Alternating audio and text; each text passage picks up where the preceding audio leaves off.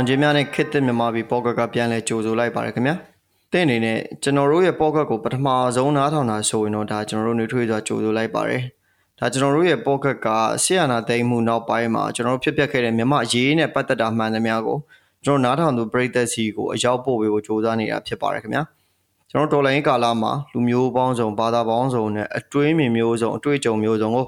ကျွန်တော်နားထောင်နေတဲ့သူတွေစီရောက်ပို့ပေးမှာဖြစ်လို့ကျွန်တော်တို့ရဲ့ podcast ကိုပုံမှန်လေးနားထောင်ပေးဖို့လည်းဒါတိုက်တွန်းလိုက်ရပါတယ်ကျွန်တော်တို့သူတို့အတွေ့အကြုံတွေပုံမှန်အတွေ့အကြုံတွေဒါမကဘဲနဲ့သူတို့ရဲ့ဘဝတွေအသက်တွေနဲ့ပါရင်းထားရတဲ့အတွေ့အကြုံတွေကိုပါမျှဝေပေးနေတဲ့ကျွန်တော်တို့ဒါ pocket တစ်ခုဖြစ်တဲ့အတွက်နားထောင်သူတွေအတွက်အချိန်ပေးရတာလည်းဒါလုံးဝထိုက်တန်မှာဖြစ်ပါတယ်ခင်ဗျာ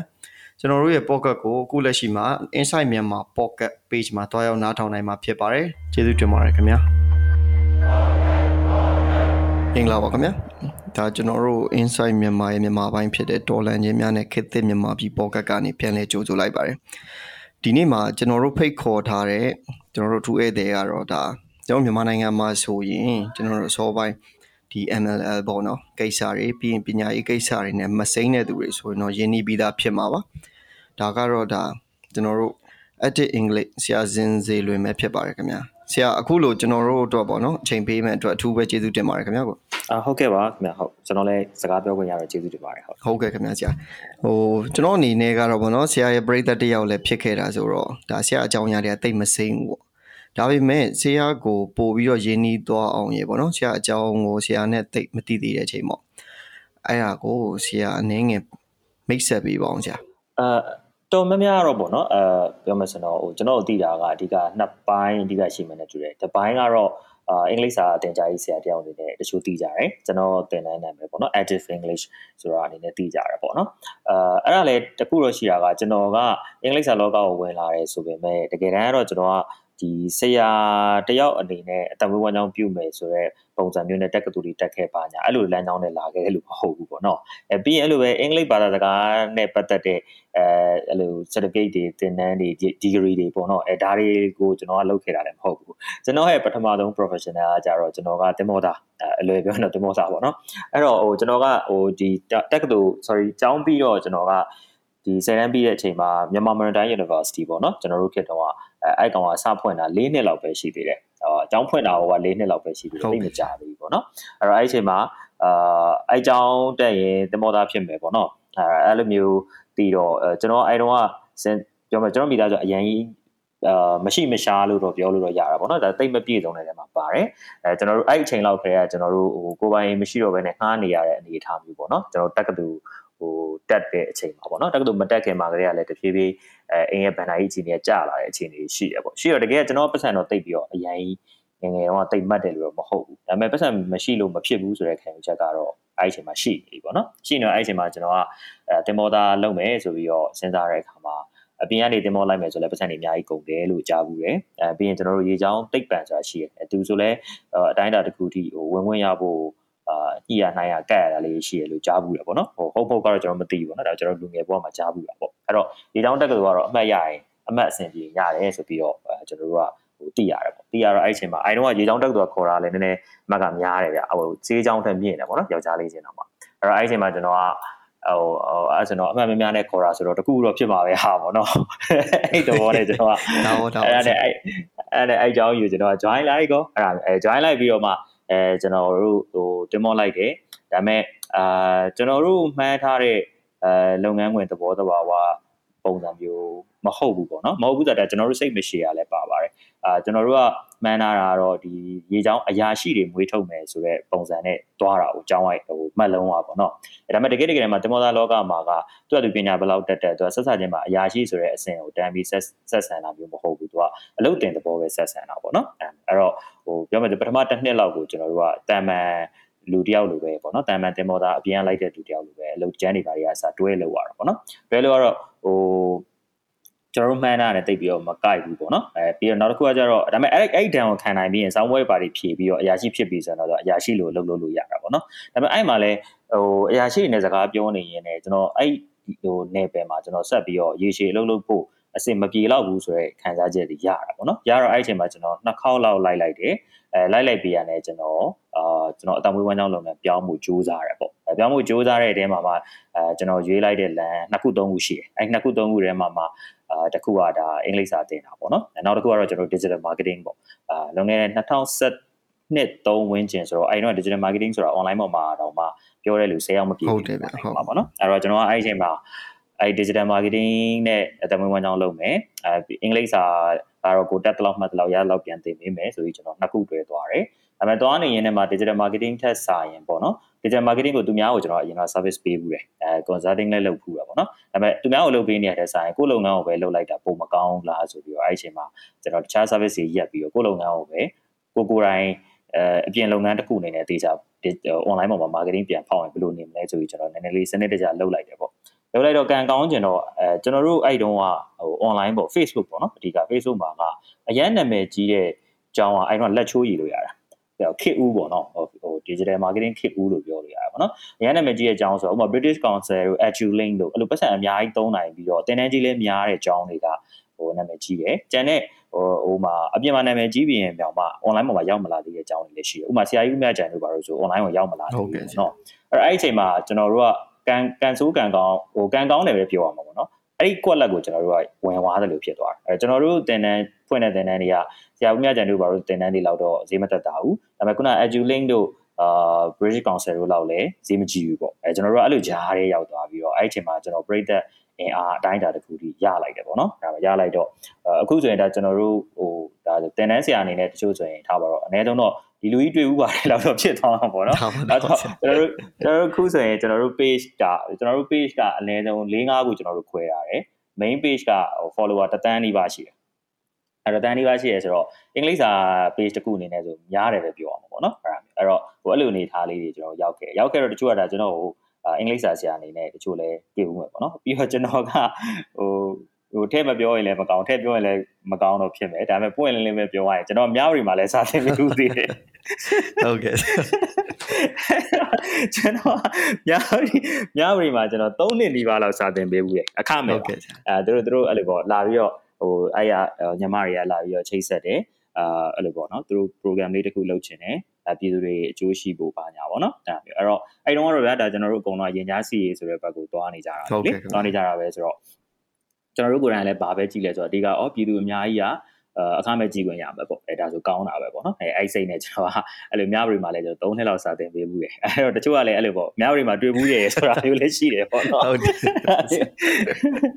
အဲ့တော့ ဒါကကျွန်တော်တစ်ဖက်ကအဲ့လိုမျိုးသိကြမှာပေါ့နောက်တစ်ဖက်ကတော့ဒါခုနညီကိုမိတ်ဆက်ပေးလိုက်လို့ပဲပေါ့နော်ကျွန်တော်2000ကျွန်တော်2017ခုနလိုပေါ့နော်ဒီတင်မောလိုက်ပြီးပြန်လာတဲ့အချိန်မှာအဲ့ဒါကိုပြန်ချိတ်ပေးခြင်းလို့ပါတင်မောလိုက်ပြီးပြန်လာတဲ့အချိန်မှာဘာလို့လို့လို့အောင်ဒီကလေးကိုကြောင့်ဖြစ်နေတဲ့အချိန်မှာခုနနောက်ဆုံးရွေးလိုက်တာတော့အင်္ဂလိပ်စာနဲ့ digital marketing เนาะဒါပေမဲ့အဲ့ဒါကိုမရွေးခင်ပေါ့နော်ပြီးပြီးပြပြမရွေးခင်မှာတပြိုင်တည်းမှာကျွန်တော် multi level marketing ဆိုတဲ့အလုပ်ကိုကျွန်တော်လုပ်ခဲ့တယ်ပေါ့နော်အဲ့ symbol ဈေးကွက်ဖောက်တယ်ဆိုတဲ့အပတ်ကိုလုပ်ခဲ့တယ်လုပ်ခဲ့တော့ ကျွန်တော်လုပ်ခဲ့တာအဲ့ level မှာတစ်နှစ်ကျော်လောက်တော့ရှိမှန်းတယ်တွေ့ရအနည်းဆုံးပေါ့နော်အဲကုမ္ပဏီနှစ်ခုသုံးခုလောက်ကိုကျွန်တော်ပြောင်းပြီးလုပ်ခဲ့တယ်အာအကောင်းဆုံး2ယောက်3ယောက်လောက်တဲ့ဒေတာတွဲပြီးတော့လုပ်လုပ်ခဲ့တယ်လုပ်ခဲ့တော့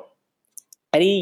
အဲ့ဒီမှာကကလေးကဟိုပေါ့နော်သူကဟိုပြောမယ်ဆိုတော့ဟိုဒီစနစ်ရဲ့စိုးကျိုးတွေကကျွန်တော်တို့စပြီးတော့တတိထားမိပြင်မဲ့စနစ်ကိုအရင်ကျွန်တော်တို့အဲ့တော့အပြစ်မမြင်သေးဘူးပေါ့နော်ကုမ္ပဏီကိုအပြစ်မြင်တယ် အဲပြီးရင်ခေါင်းဆောင်တွေကိုအပြစ်မြင်တယ်ဒုတိယပေါ့နော်အဲနောက်ဆုံးကျတော့မှဒါဟိုစနစ်ကိုအပြစ်မြင်တဲ့အဆင့်ရောက်တာဒါပေမဲ့ပြောချင်တာပါဆိုအဲ2014ဝန်းကျင်မှာကျွန်တော်ကဒီ MLM ကိုစဆန့်ကျင်တာအဲကျွန်တော်တို့ဒါပေမဲ့လူစသိတာ2016လောက်မှသိတာပေါ့နော် MLM နဲ့ပတ်သက်ရင်ပေါ့နော်ဒါပေမဲ့ကျွန်တော်တို့စပြီးတော့တတိပေးတာ2014လောက်ကကျွန်တော်စပြီးတော့တတိပေးတယ်ဒါပေမဲ့အဲ့တော့တတိပေးတဲ့ပုံစံကကြတော့ဟို MLN စနစ်ကကောင်းပင်ပဲဒီမှာလုပ်နေတာတွေကအချိုးမပြေဘူးပေါ့နော်ဘယ်လိုတွေအားနေချက်တွေရှိတယ်အဲကျွန်တော်အဲ့ဘက်ကိုစောင်းပေးပြီးတော့ဟို ပြောပြတာ2014တုန်းကကျွန်တော်ပို့တာပေါ့နော်အမကုမ္ပဏီတွေကဒီ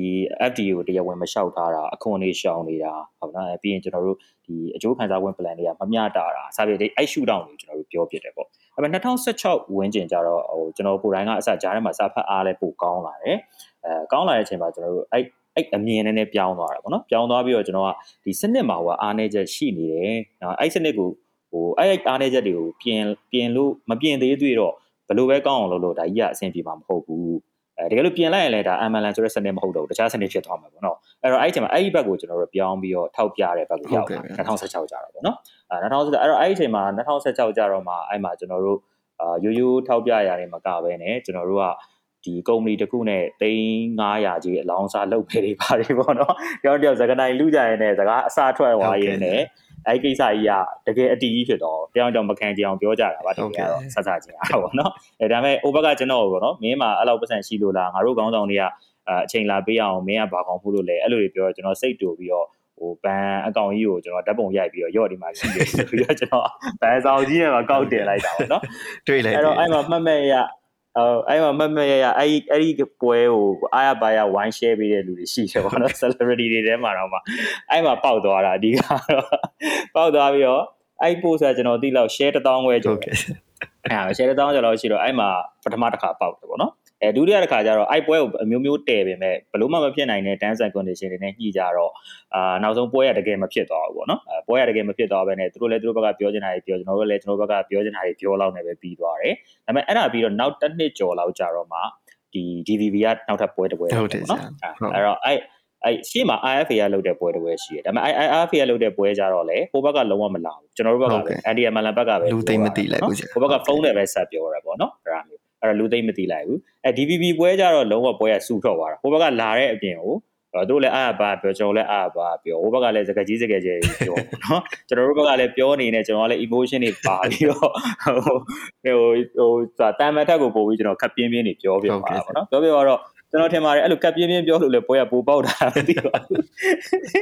။ဘာကြောင့်လဲဆိုတော့နောက်ပြီးတော့ကျွန်တော်အေးအေးစစ်စစ်ပေါ့နော်ဒီ MLN အကြောင်းပညာပေးဆန်ဆန် documentary တခုကျွန်တော်တို့ထုတ်ပေးခဲ့ဘူးတည်း။ဟုတ်ကဲ့အဲ့လိုပါရှင်းပြတဲ့ဟာပေါ့နော် documentary အဆင့်တော့မရောက်သွားဘူးပေါ့နော်ကျွန်တော်တို့ documentary အဆင့်မှန်းတာပေါ့ဒါပေမဲ့အဲ့တုန်းကကျွန်တော်တို့ဒီတက်သေးတွေကိုလိုက်ပြီး interview လို့ပါလို့ဆိုတော့ process တွေကြံလေးတွေကြာနေတဲ့အချိန်မှာ လောတယ်တော့ရှိရနေပဲထုတ်လိုက်ရအောင်ဆိုပြီးကျွန်တော်ထုတ်လိုက်ရတဲ့အတွက် documentary အစစ်တော့မဖြစ်သွားဘူးအဲကျွန်တော်ရှင်းပြတဲ့ဘိုင်းလောက်ပဲများသွားတာပေါ့နော်အဲ့တော့အဲ့ဒါတခုကျွန်တော်ထုတ်ဘူးလေအဲပြောချင်တာပါအဲ့ဒါထုတ်တာကခုန DVB debate ထက်ရှင်းပြတော့အချက်အလက်ပိုင်းရပို့သိလိုက်ပါဒါပေမဲ့လူသိမသိလိုက်ဘူး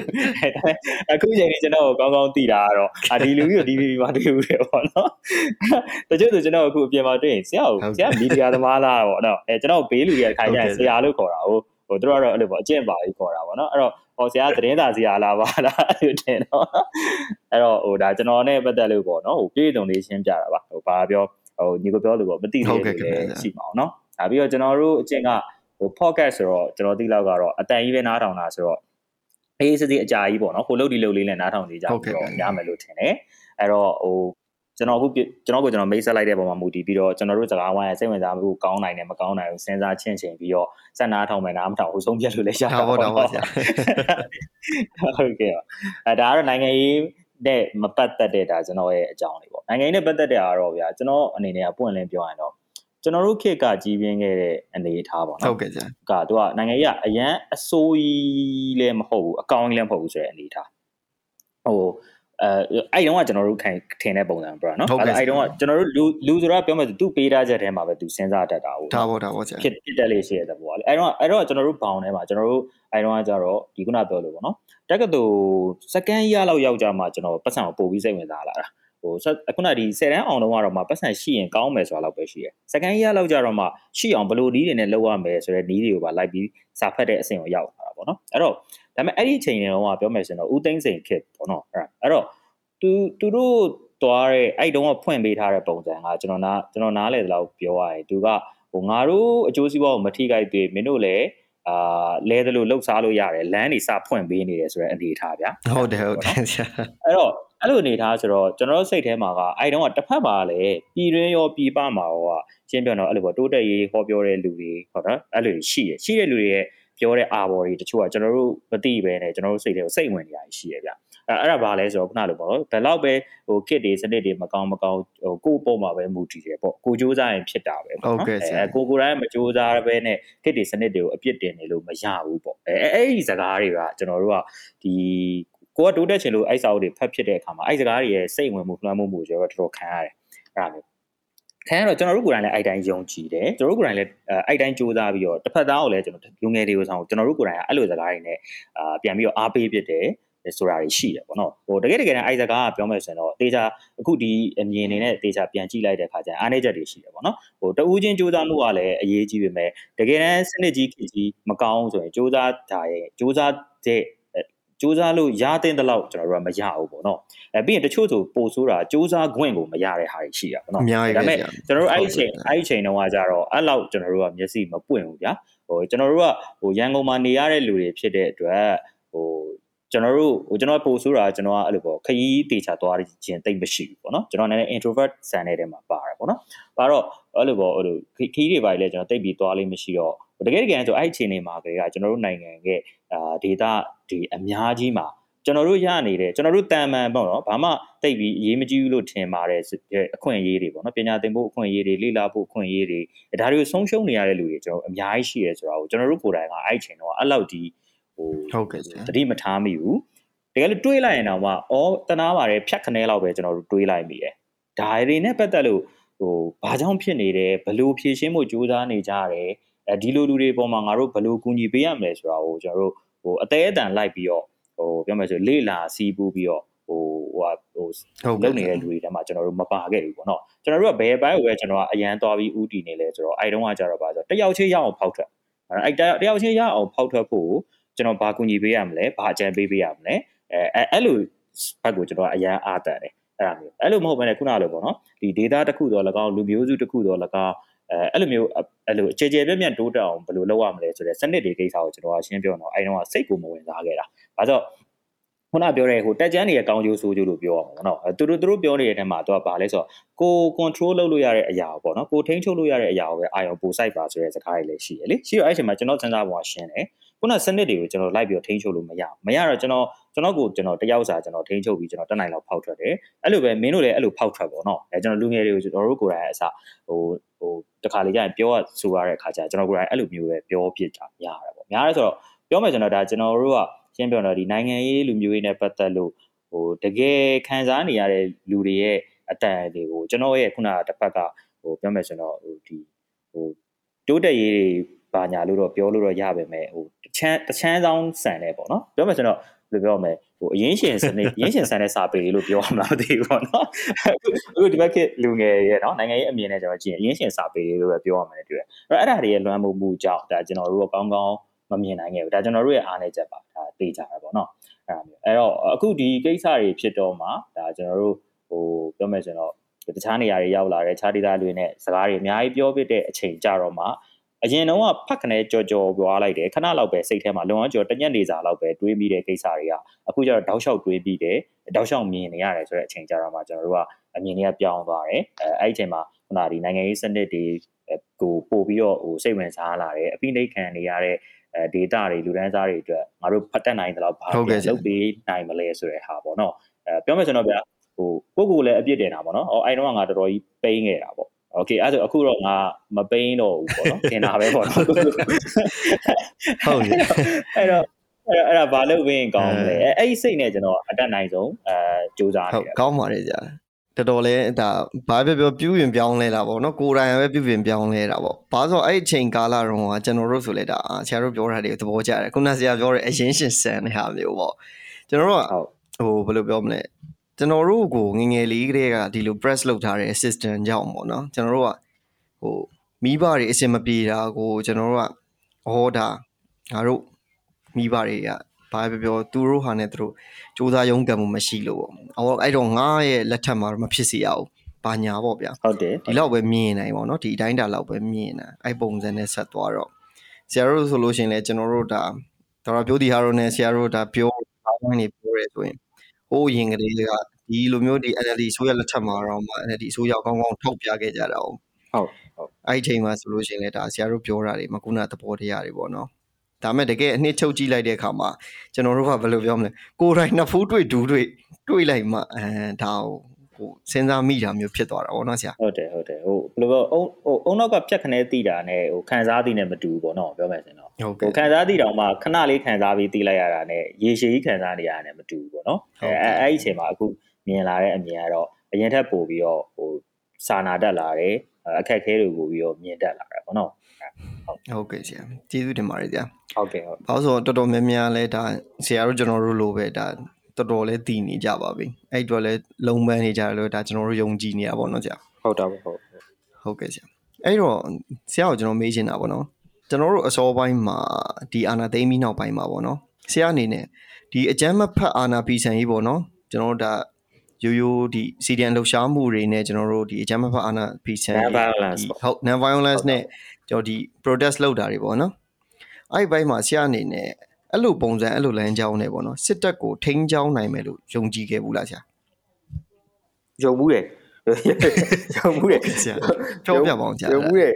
ဟုတ်ဟုတ်ယုံမှုတယ်ဆိုတာဒီလိုဗျာဟိုဒီလိုဒီလိုယုံမှုတယ်လို့ပြောရအောင်တကယ်ကတော့ကျွန်တော်ကပုံမှန်လင်းလင်းပြောရရင်တော့ဆန္ဒပြတယ်ဆိုတဲ့ဟာကိုဟိုကျွန်တော်ကမယုံတာအရင်ကဆိုရင်ပြောတာနော်အဲဆန္ဒပြတယ်ဆိုတဲ့ဟာကိုမယုံမယုံဆိုတာဒီလိုဟို ဒါကျွန်တော်ပွင့်လင်းမပြောတာပါဟိုကျွန်တော် live ကိုနားထောင်တဲ့လူက sorry podcast ကိုနားထောင်တဲ့လူကကျွန်တော်ကိုကြိုက်တယ်လို့ရှိရင်မကြိုက်တယ်လည်းရှိမယ်လေဟုတ်ကဲ့အဲ့တော့မကြိုက်တဲ့လူတွေမှာတကယ်ကိုနိုင်ငံရေးနားလည်ပြီးမှကျွန်တော်ကိုကြည့်မိရတဲ့လူလည်းရှိကောင်းရှိနိုင်တယ်အဲ့တော့ဒါဟိုသူတို့ဟိုဟိုအဲ့တော့ပြောချင်တာကကျွန်တော်တို့ဒီအဲ့ NLD ခေတ်မှာအာညီကိုတို့တတိထားမိလိမ့်မယ်သူက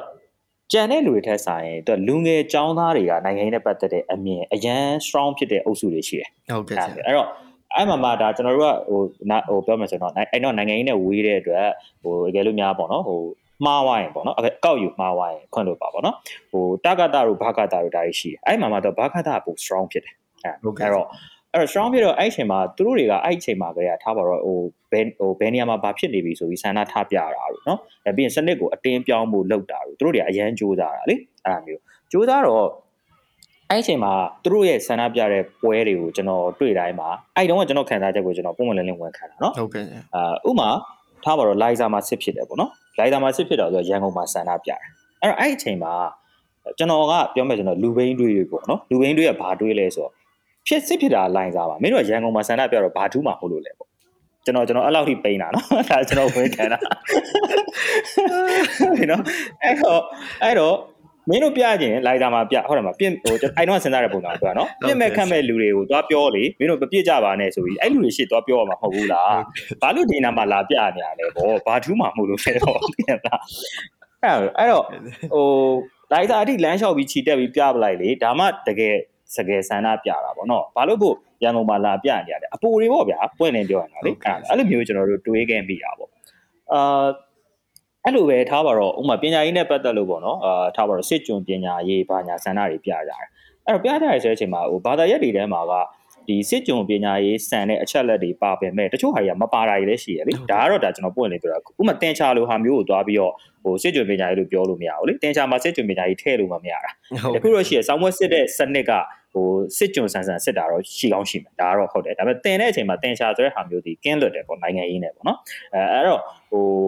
အဲ့လိုမျိုးပေါ့နော်တချို့ဟိုဟိုမှာတမိုင်းလိုဟာမျိုးဒီဒါဟိုစစ်တပ်က lobby ဒါလို့လို့ကောင်းတဲ့ဘာသာရပ်မျိုးအဲမြန်မာသားလိုဟာမျိုးအရန်သူတို့လုပ်လို့ကောင်းတယ်အဲတချို့ဘာသာရပ်တွေじゃသူတို့လုပ်လို့တိတ်မကောင်းဘူးလေမကောင်းတော့အဲ့တော့ကျွန်တော်ပြောနေတာကဘာလဲဆိုတော့ဘာသာရပ်တွေကိုချင်းကတ်တဲ့အခါမှာလဲကျွန်တော်တို့အယူဆချင်းကတ်တဲ့ဆရာဆရာမကဟိုအရေးကြီးတယ်သူကသူတင်ရိုးကဘာလာလာပေါ့နော်ဟို ခုနလိုပေါ့ဖောက်ထွက်ပေါ့နော်အဲ့ဒါလိုဖောက်ထွက်ပြီးတော့ဟိုတင်ရရတာရှိအောင်တင်လို့ရတယ်လို့ကျွန်တော်တို့ယူဆတဲ့အတွက်အဲ့လိုစစ်ကြွပညာရေးအလိုမရှိပါညာអော်ရင်လေကျွန်တော်စိတ်ထဲမှာဘယ်လိုခံစားရလဲဆိုတော့အမင်းတို့ကအဲ့စာသင်ခန်းတွေအဲ့တုန်းကဆိုရင်ရှိတယ်တချို့ဘာကသာကျောင်းသားကျစာသင်ခန်းတွေထိဝင်ပြပြတာလေဟုတ်တယ်ဟုတ်တယ်တော့ကျန်းတယ်ဆန္ဒပြရဲပုံတာလေအဲ့အဲ့အချိန်မှာကျွန်တော်တို့ကြတော့ဒီဆရာတွေရဲ့ရှုထောင့်ကကြတော့မှုတ်လေကွာမင်းတို့ကလည်းဆန္ဒပြတာဟိုအေးဆေးပြပေါ့စာတင်တဲ့ဆရာဝင်ပြီးနှောက်ယှက်ပြီးပြတာမျိုးလောက်ကြီးရတော့မမိုက်ဘူးပေါ့နော်ဒါမျိုးကျွန်တော်တို့မြင်တယ်အဲ့တော့ပြောချင်တာက ဆန္ဒပြခြင်းဒီကျွန်တော်အမြင်ပေါ့နော်ဆန္ဒပြခြင်းဒီဆုံးဖြတ်ပိုင်ခွင့်ရှိတဲ့လူကိုဆန္ဒပြမှာအာအကျိုးရှိမယ်ဒါအဲ့တုန်းကကျွန်တော်ယူဆကြနော်ဟုတ်ကဲ့ဆရာအာဆုံးဖြတ်ပိုင်ခွင့်မရှိပဲဥမာထားပါတော့အခန်းထဲမှာဆရာတယောက်ကစာတင်နေတာကိုသွားပြီးစစ်ကြုံပညာရေးရက်ဆိုပြီးသွားပြောလို့အဲ့ဆရာဘာလို့ရမှာလဲစာမတင်မဲရက်လာရမှာလားပေါ့နော်အဲ့တော့အဲ့လိုရက်လိုက်တော့ကဲဘယ်သူနဲ့နာလဲဘာထူးသွားလို့လဲပေါ့နော်အဲ့အဲ့တော့ဆိုတော့တင်ယိုးကြီးတစ်ခုလုံးကိုပြောင်းဖို့ဒီဆရာမှာပါဝါမရှိဘူးလေအဲ့တော့ဒီဆရာကိုလာပြလို့အလကားပဲပေါ့နော်အဲ့အဲ့လိုပဲကျန်တဲ့ ကျောင်းသားတွေကလည်းပြောမယ်ဆိုခုနလိုနိုင်ငံရေးကအရန်အာစာဖတ်ထားတဲ့စီနီယာအကိုတွေနဲ့စကားပြောထားတဲ့လူတွေကလွယ်လို့ကျန်တဲ့စာသင်ခန်းတွေအကြောင်းသားတွေကလည်းအဲ့ဒါတွေတို့စိတ်ဝင်စားဘူးအဲ့ဒါကျွန်တော်အမြင်ပြောတာနော်အဲစိတ်ဝင်စားတော့အဲ့ဒီအချိန်မှာဟိုသူတို့လုပ်နေရတွေကရှင်းပြောရင်တော့ဆန္ဒပြနေတဲ့ဟာဒီဖြည့်ရှင်းနည်းလို့ကျွန်တော်စိတ်ထဲမှာမထင်ဘူးကျွန်တော်ဆန္ဒပြတာထက်ဆိုင်ရင်တာဝန်ရှိတဲ့လူနဲ့ဓာတ်ရိုက်တေချာတော့တွေ့ဓာတ်ရိုက်တေချာအကျိတ်နဲ့စကားပြောအဲအဲ့ဒီဟာကိုကျွန်တော်တို့ကပိုအားတန်တယ်ပေါ့နော်ဒါမျိုး အပိုအားတန်တော့အဲ့ဒါကတကယ်ဖြည့်ရှင်းလို့ရနိုင်တယ်ကျွန်တော်ကယူဆရတယ်ပေါ့နော်ယူဆတော့ဒါပေမဲ့ပေါ့နော်အခုဒီຫນွေဦးတော်လိုင်းရေးအာရောက်လာတဲ့အချိန်ကြတော့မှဒါကျွန်တော်တို့ကဟိုအရင်တော့ပေါ့ပေါ့လေးတွေးခဲ့တဲ့အဲဟာတခုကိုကျွန်တော်အလေးနဲ့သွားစဉ်းစားတာပါလဲဆိုတော့ခုနကလိုမျိုးဓာတ်ရိုက်စကားပြောခွင့်အောင်မှမပေးရင်ဘယ်လိုလုပ်မလဲဆိုတဲ့ကိစ္စပေါ့ဒါအဲပြောမှဆိုတော့ဆုံးဖြတ်နိုင်ခွင့်ရှိတဲ့လူတွေစနစ်တစ်ခုကိုပြောင်းလဲနိုင်ခွင့်ရှိတဲ့လူတွေနဲ့တိုက်ရိုက်စကားပြောညှိနှိုင်းဆွေးနွေး ဒါဆိုရင်ဆန္ဒတွေပြနေတာထက်ဆိုင်အဲ့လိုလုပ်တာပို့အကျိုးရှိတယ်ဒါကျွန်တော်တို့အရင်စဉ်းစားခဲ့တဲ့ပုံစံဒါပေမဲ့ထပ်ပြီးသိလာတာပါဆိုအဲ့လိုတော့မှအခွင့်အရေးမပေးလို့ဆန္ဒဆိုတာပြနေရတာပေါ့နော်အဲ့တော့အဲ့ဒါကိုကျွန်တော်အဲ့ကြမှာနည်းနည်းပို့ပြီးတော့မြင်လာတာပေါ့နော်အဲ့ဒါမျိုးအရင်တော့ကျတော့ရှင်းပြောတော့ဒီကောင်တွေကဟိုပြောမှဆိုတော့တာဝန်ရှိတဲ့လူတွေတဲ့တွေ့ပေါ့သိရမလားဘာကြောက်နေရရှိလို့လဲမောင်းတော့မှမဟုတ်လို့လားပေါ့နော်အဲဒီလိုပဲတွေ့တာပေါ့ဒါပေမဲ့ခုနလိုမျိုးပေါ့နော်တကယ်တကယ်တမ်းဟိုဖြစ်လာတော့မှဩဟုတ်ပြီသူတို့အဲ့တုန်းကရှင်းပြောတော့ ဟိုသူတို့ဒီ decision maker တွေနဲ့တွေ့နိုင်တဲ့ပါဝါမရှိဘူးထားပါတော့အဲ့လိုမရှိသေးတဲ့အတွက်ရှိအောင်ဒီ land မော်ကနေအားယူရတာပါလားပေါ့အဲအဲ့ဒီ concept ကိုအဲ့ကြမှာကျွန်တော်နည်းနည်းစပြီးတော့ဖမ်းမိတာဟုတ်ကဲ့ဟုတ်ကဲ့အဲ့မျိုးအစအရှင်းပြောတော့ဟို ခုနလိုပေါ့နော်အပိုလို့ထင်ထားတဲ့ဟာကအော်တကယ်ကရှင်းပြောတော့အချိန်တန်သူတို့အဲ့သွားပြီးတော့စကားပြောမယ်ညှိမယ်နှိုင်းမယ်ပြောမယ်ဆိုမယ်တောင်းဆိုမယ်ဒါပေမဲ့အဲ့ဒီလိုမျိုးပါဝါရဖို့ကိုလမ်းပေါ်ကနေသူတို့အလုပ်ဆလုပ်ရတယ်ပေါ့အဲအစအဲ့ဒါသဘောကိုကျွန်တော်နားလေလာတော့မှဟောဟုတ်ပြီဒါဆန္ဒပြတယ်ဆိုတာဒီတိုင်းတာတစ်ခုထိတော့အကျိုးရှိပါလားပေါ့နော်အဲဒါကိုကျွန်တော်စပြီးလက်ခံလာလက်ခံလာပြီးတော့အာ non violence နဲ့ပဲပေါ့နော်အဲ့လိုအကြမ်းမဖက်ဆန္ဒပြနေတာပဲအောင်မြင်မလားလို့ဟိုကျွန်တော်တို့ကအဲ့တော့ယုံအောင်မြင်မယ်လို့ကျွန်တော်တို့ယုံကြည်ခဲ့တာက တခြားတော့မဟုတ်ဘူးဗျဟုတ်ဟိုတော့နိုင်ငံတကာမှာလည်းအာထားပါတော့အဲ့တုန်းကဆိုရင်အရန်ခေတ်စားတာဟိုကြားဖို့လိမ့်မယ်ဥပမာဂန်ဒီဆန္ဒပြခဲ့တဲ့နီးတို့ပါလို့ရှိရလေအဲ့မျိုးအဲ့တော့ဟိုသူဆိုရင်ဒါကတခြား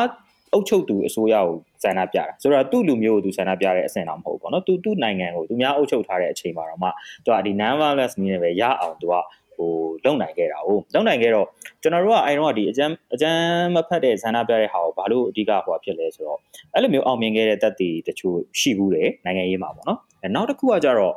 သူကအကျမ်းမဖတ်ဆန္ဒပြတာကဒီလက်နက်ကင်ဒေါ်လန်တာထက်ဆိုင်ရင်လူလူရဲ့ပါဝင်နိုင်တဲ့ယာဂိုင်နှုန်းပိုများတယ်အဲ့တော့ ဟိုဒါကလည်းခုချိန်ထိဆိုလည်းသိတာပါတယ်ဟုတ်တယ်မြန်မာနိုင်ငံမှာလူဦးရေတန်း90လောက်ရှိတယ်မြန်မာနိုင်ငံမှာလူဦးရေတန်း90ရှိပေမဲ့တေးကြတာ PDF အင်အား9တန်းတော့မရှိသေးဘူးဗျာဟုတ်ကဲ့အဲ့ပြောချင်တာက10ရာခိုင်နှုန်းတောင်မှလက်နက်ကင်လို့မရဘူးအဲ့ဒါမျိုးအဲ့တော့အဲအကျန်းမဖတ်တဲ့ဆန္ဒပြတဲ့လမ်းကြောင်းကကြတော့ဟို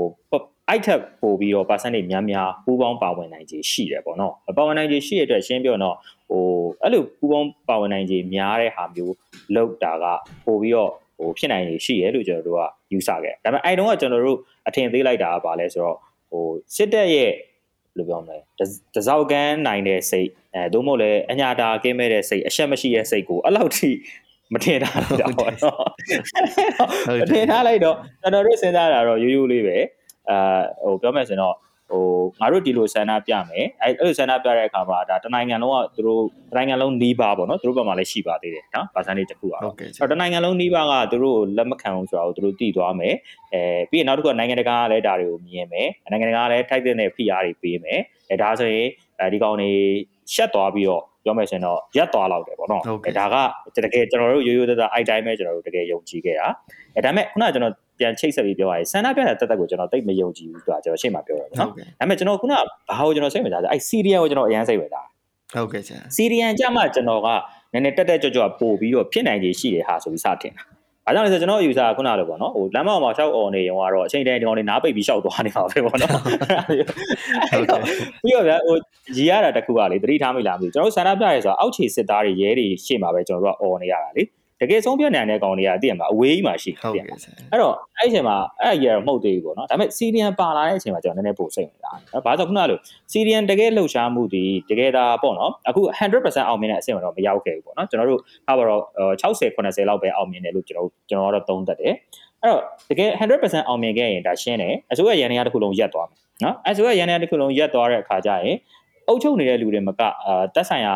ပြောမယ်ဆိုတော့ဟိုပြောမယ်ဆိုပြည်သူတွေလည်းအတိုင်းအတာတစ်ခုတည်းတော့အထိနာမယ်ဒါပေမဲ့အုပ်ချုပ်နေတဲ့လူတွေကိုယ်တိုင်ကလည်းအဆက်အကြီးကျယ်ရသွားမယ်ဒါကြီးဘလို့မှသူလက်ပတ်အောင်လုပ်လို့မရအောင်ဖြစ်သွားမှာပေါ့နော်အဲ့လိုဖြစ်သွားခဲ့ရင်ကြတော့ဒါရှင်းပြောတော့ဟိုဆန္ဒပြတာထက်ကိုပို့ပြီးတော့သူကအားကောင်းတယ်ပေါ့နော်ဟုတ်ကဲ့ဆရာ အဲ့မျိုးဟိုဆိုဆိုဆန္ဒပြတဲ့တန်မန်ပြည်သူတန်မန်ចောင်းသားတက်ဆိုင်သူအစိုးရဝန်ထမ်းတွေကိုယ်တိုင်ကဟိုပြောမယ်ဆိုတော့ဟိုပြောမယ်လာနဲ့ချီပြီးဆန္ဒပြလိုက်ရင်ပေါ့ဒီအစိုးရရန်နေရလဲပတ်လို့မရတော့ဘူးဆိုရင်တော့ဒီကောင်တွေရှက်သွားလောက်တယ်ရှက်မသွားရင်တော့ဒီကောင်တွေဘာမှလုပ်လို့မရဘူးပေါ့နော်အဲကျွန်တော်တို့ကအဲ့လိုမျိုးစဉ်းစားတယ်စဉ်းစားပြီးအဲ့အချိန်မှာကျွန်တော်ကဒီ CDM ကိုတော့ကျွန်တော်ကရိုးရိုးဆန္ဒလမ်းပေါ်ထွက်ပြီးတော့ဆန္ဒပြတာထက်ကိုကျွန်တော်ကပို့ပြီးတော့ယုံကြည်ခဲ့တယ်လို့ပေါ့နော်အဲအဲ့လိုယုံကြည်ပြီးတော့ CDM နဲ့ပတ်သက်တဲ့ကျွန်တော်တို့ဒီထောက်ပို့တွေဘာတွေလုံနိုင်ဖို့ အဲကွန်ရက်တွေချိတ်ဆက်ဖို့အဲပြီးရင်ဟအာတော့အဲ့လိုပေါ့တကယ်လို့များပေါ့ CDN လုတ်ခဲ့တဲ့ဝန်ထမ်းတွေကအခက်အခဲရှိခဲ့တဲ့အခါကျရင်အဲ့ဝန်ထမ်းတွေကိုဝိုင်းကြီးချုပ်စနစ်နဲ့အာကူညီကြဖို့အဲစားပြီးအဲ့ဒီဟာတွေယူဆတွေကိုကျွန်တော်တို့ဟိုသူများအစဖြန့်တာကိုကျွန်တော်တို့ကူဖြန့်ပေးတာပြီးရင်တချို့ယူဆတွေကျွန်တော်တို့ကိုယ်တိုင်ကဟိုဖြန့်တာပြီးရင်တခါကြီးကျရင်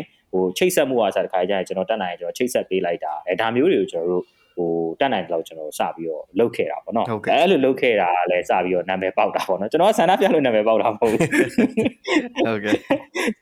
အဲ့ဒါဆန္ဒပြဖို့အဲ့ online ပေါ်မှာကျွန်တော်စာရေးတယ် CDN နဲ့ပတ်သက်လို့ကျွန်တော်တော်တော်ကြီးကိုဟို strong ဖြစ်ဖြစ်နဲ့ကျွန်တော်တက်နိုင်လောက်လိုက်ပြီးတော့ဟိုဖြစ်တယ်ကျွန်တော်လမ်းပေါ်တကယ်ထွက်တဲ့ရက်ကကျွန်တော်တင်တယ်10ရက်လောက်ပဲရှိမှန်းတယ်ဟုတ်ကဲ့အဲ့ဒါမျိုး10ရက်လောက်ပဲရှိတယ်ပြီးရင်လမ်းပေါ်ထွက်ရင်လည်းကျွန်တော်အကျင့်ကပေါ့နော်ဟိုရှေ့ point နောက် point လိုက်ကြည့်ပေးတယ်အဲလိုအပ်တဲ့ ပစ္စည်းတွေကိုကျွန်တော်အဲတော့ကားလည်းရှိရောလေအဲကားနဲ့လိုက်ပို့ရလိုက်ပေးတယ်ဒါမျိုးပဲအဲ့လိုလမ်းလမ်းထဲမှာတကယ်ရှောက်ပြီးတော့ဗောနော်အဖွဲနဲ့သွားတာကပင်ပမန်းသွားတဲ့အချိန်ကနဲတယ်ပြောရဆိုဟုတ်ကဲ့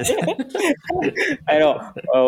ဟိုကျွန်တော်တို့ဟိုစိုးရင်တာခုနကဗောနော်ရှေ့ကနေနောက်ကနေဖြတ်ပြီးတခုလောက်ခံမှာစိုးရင်တာစိုးရင်တော့ကျွန်တော်အဲတော့လုပ်ငန်းတုံးကားကလည်းနှစ်စီးလောက်ရှိရောအဲရှေ့မှာတကားလွှတ်ထားတယ်နောက်မှာတကားလွှတ်ထားတယ် အဲကျွန်တော်ကအဲ့လိုလိုက်ပြီးတော့မတိမတာပတ်ပြီးတော့ထောက်ပြီးတော့ဗောနော်အဲကျွန်တော်အဲ့လိုမျိုးလို့ပဲကျွန်တော်ကလုပ်တာဗျာ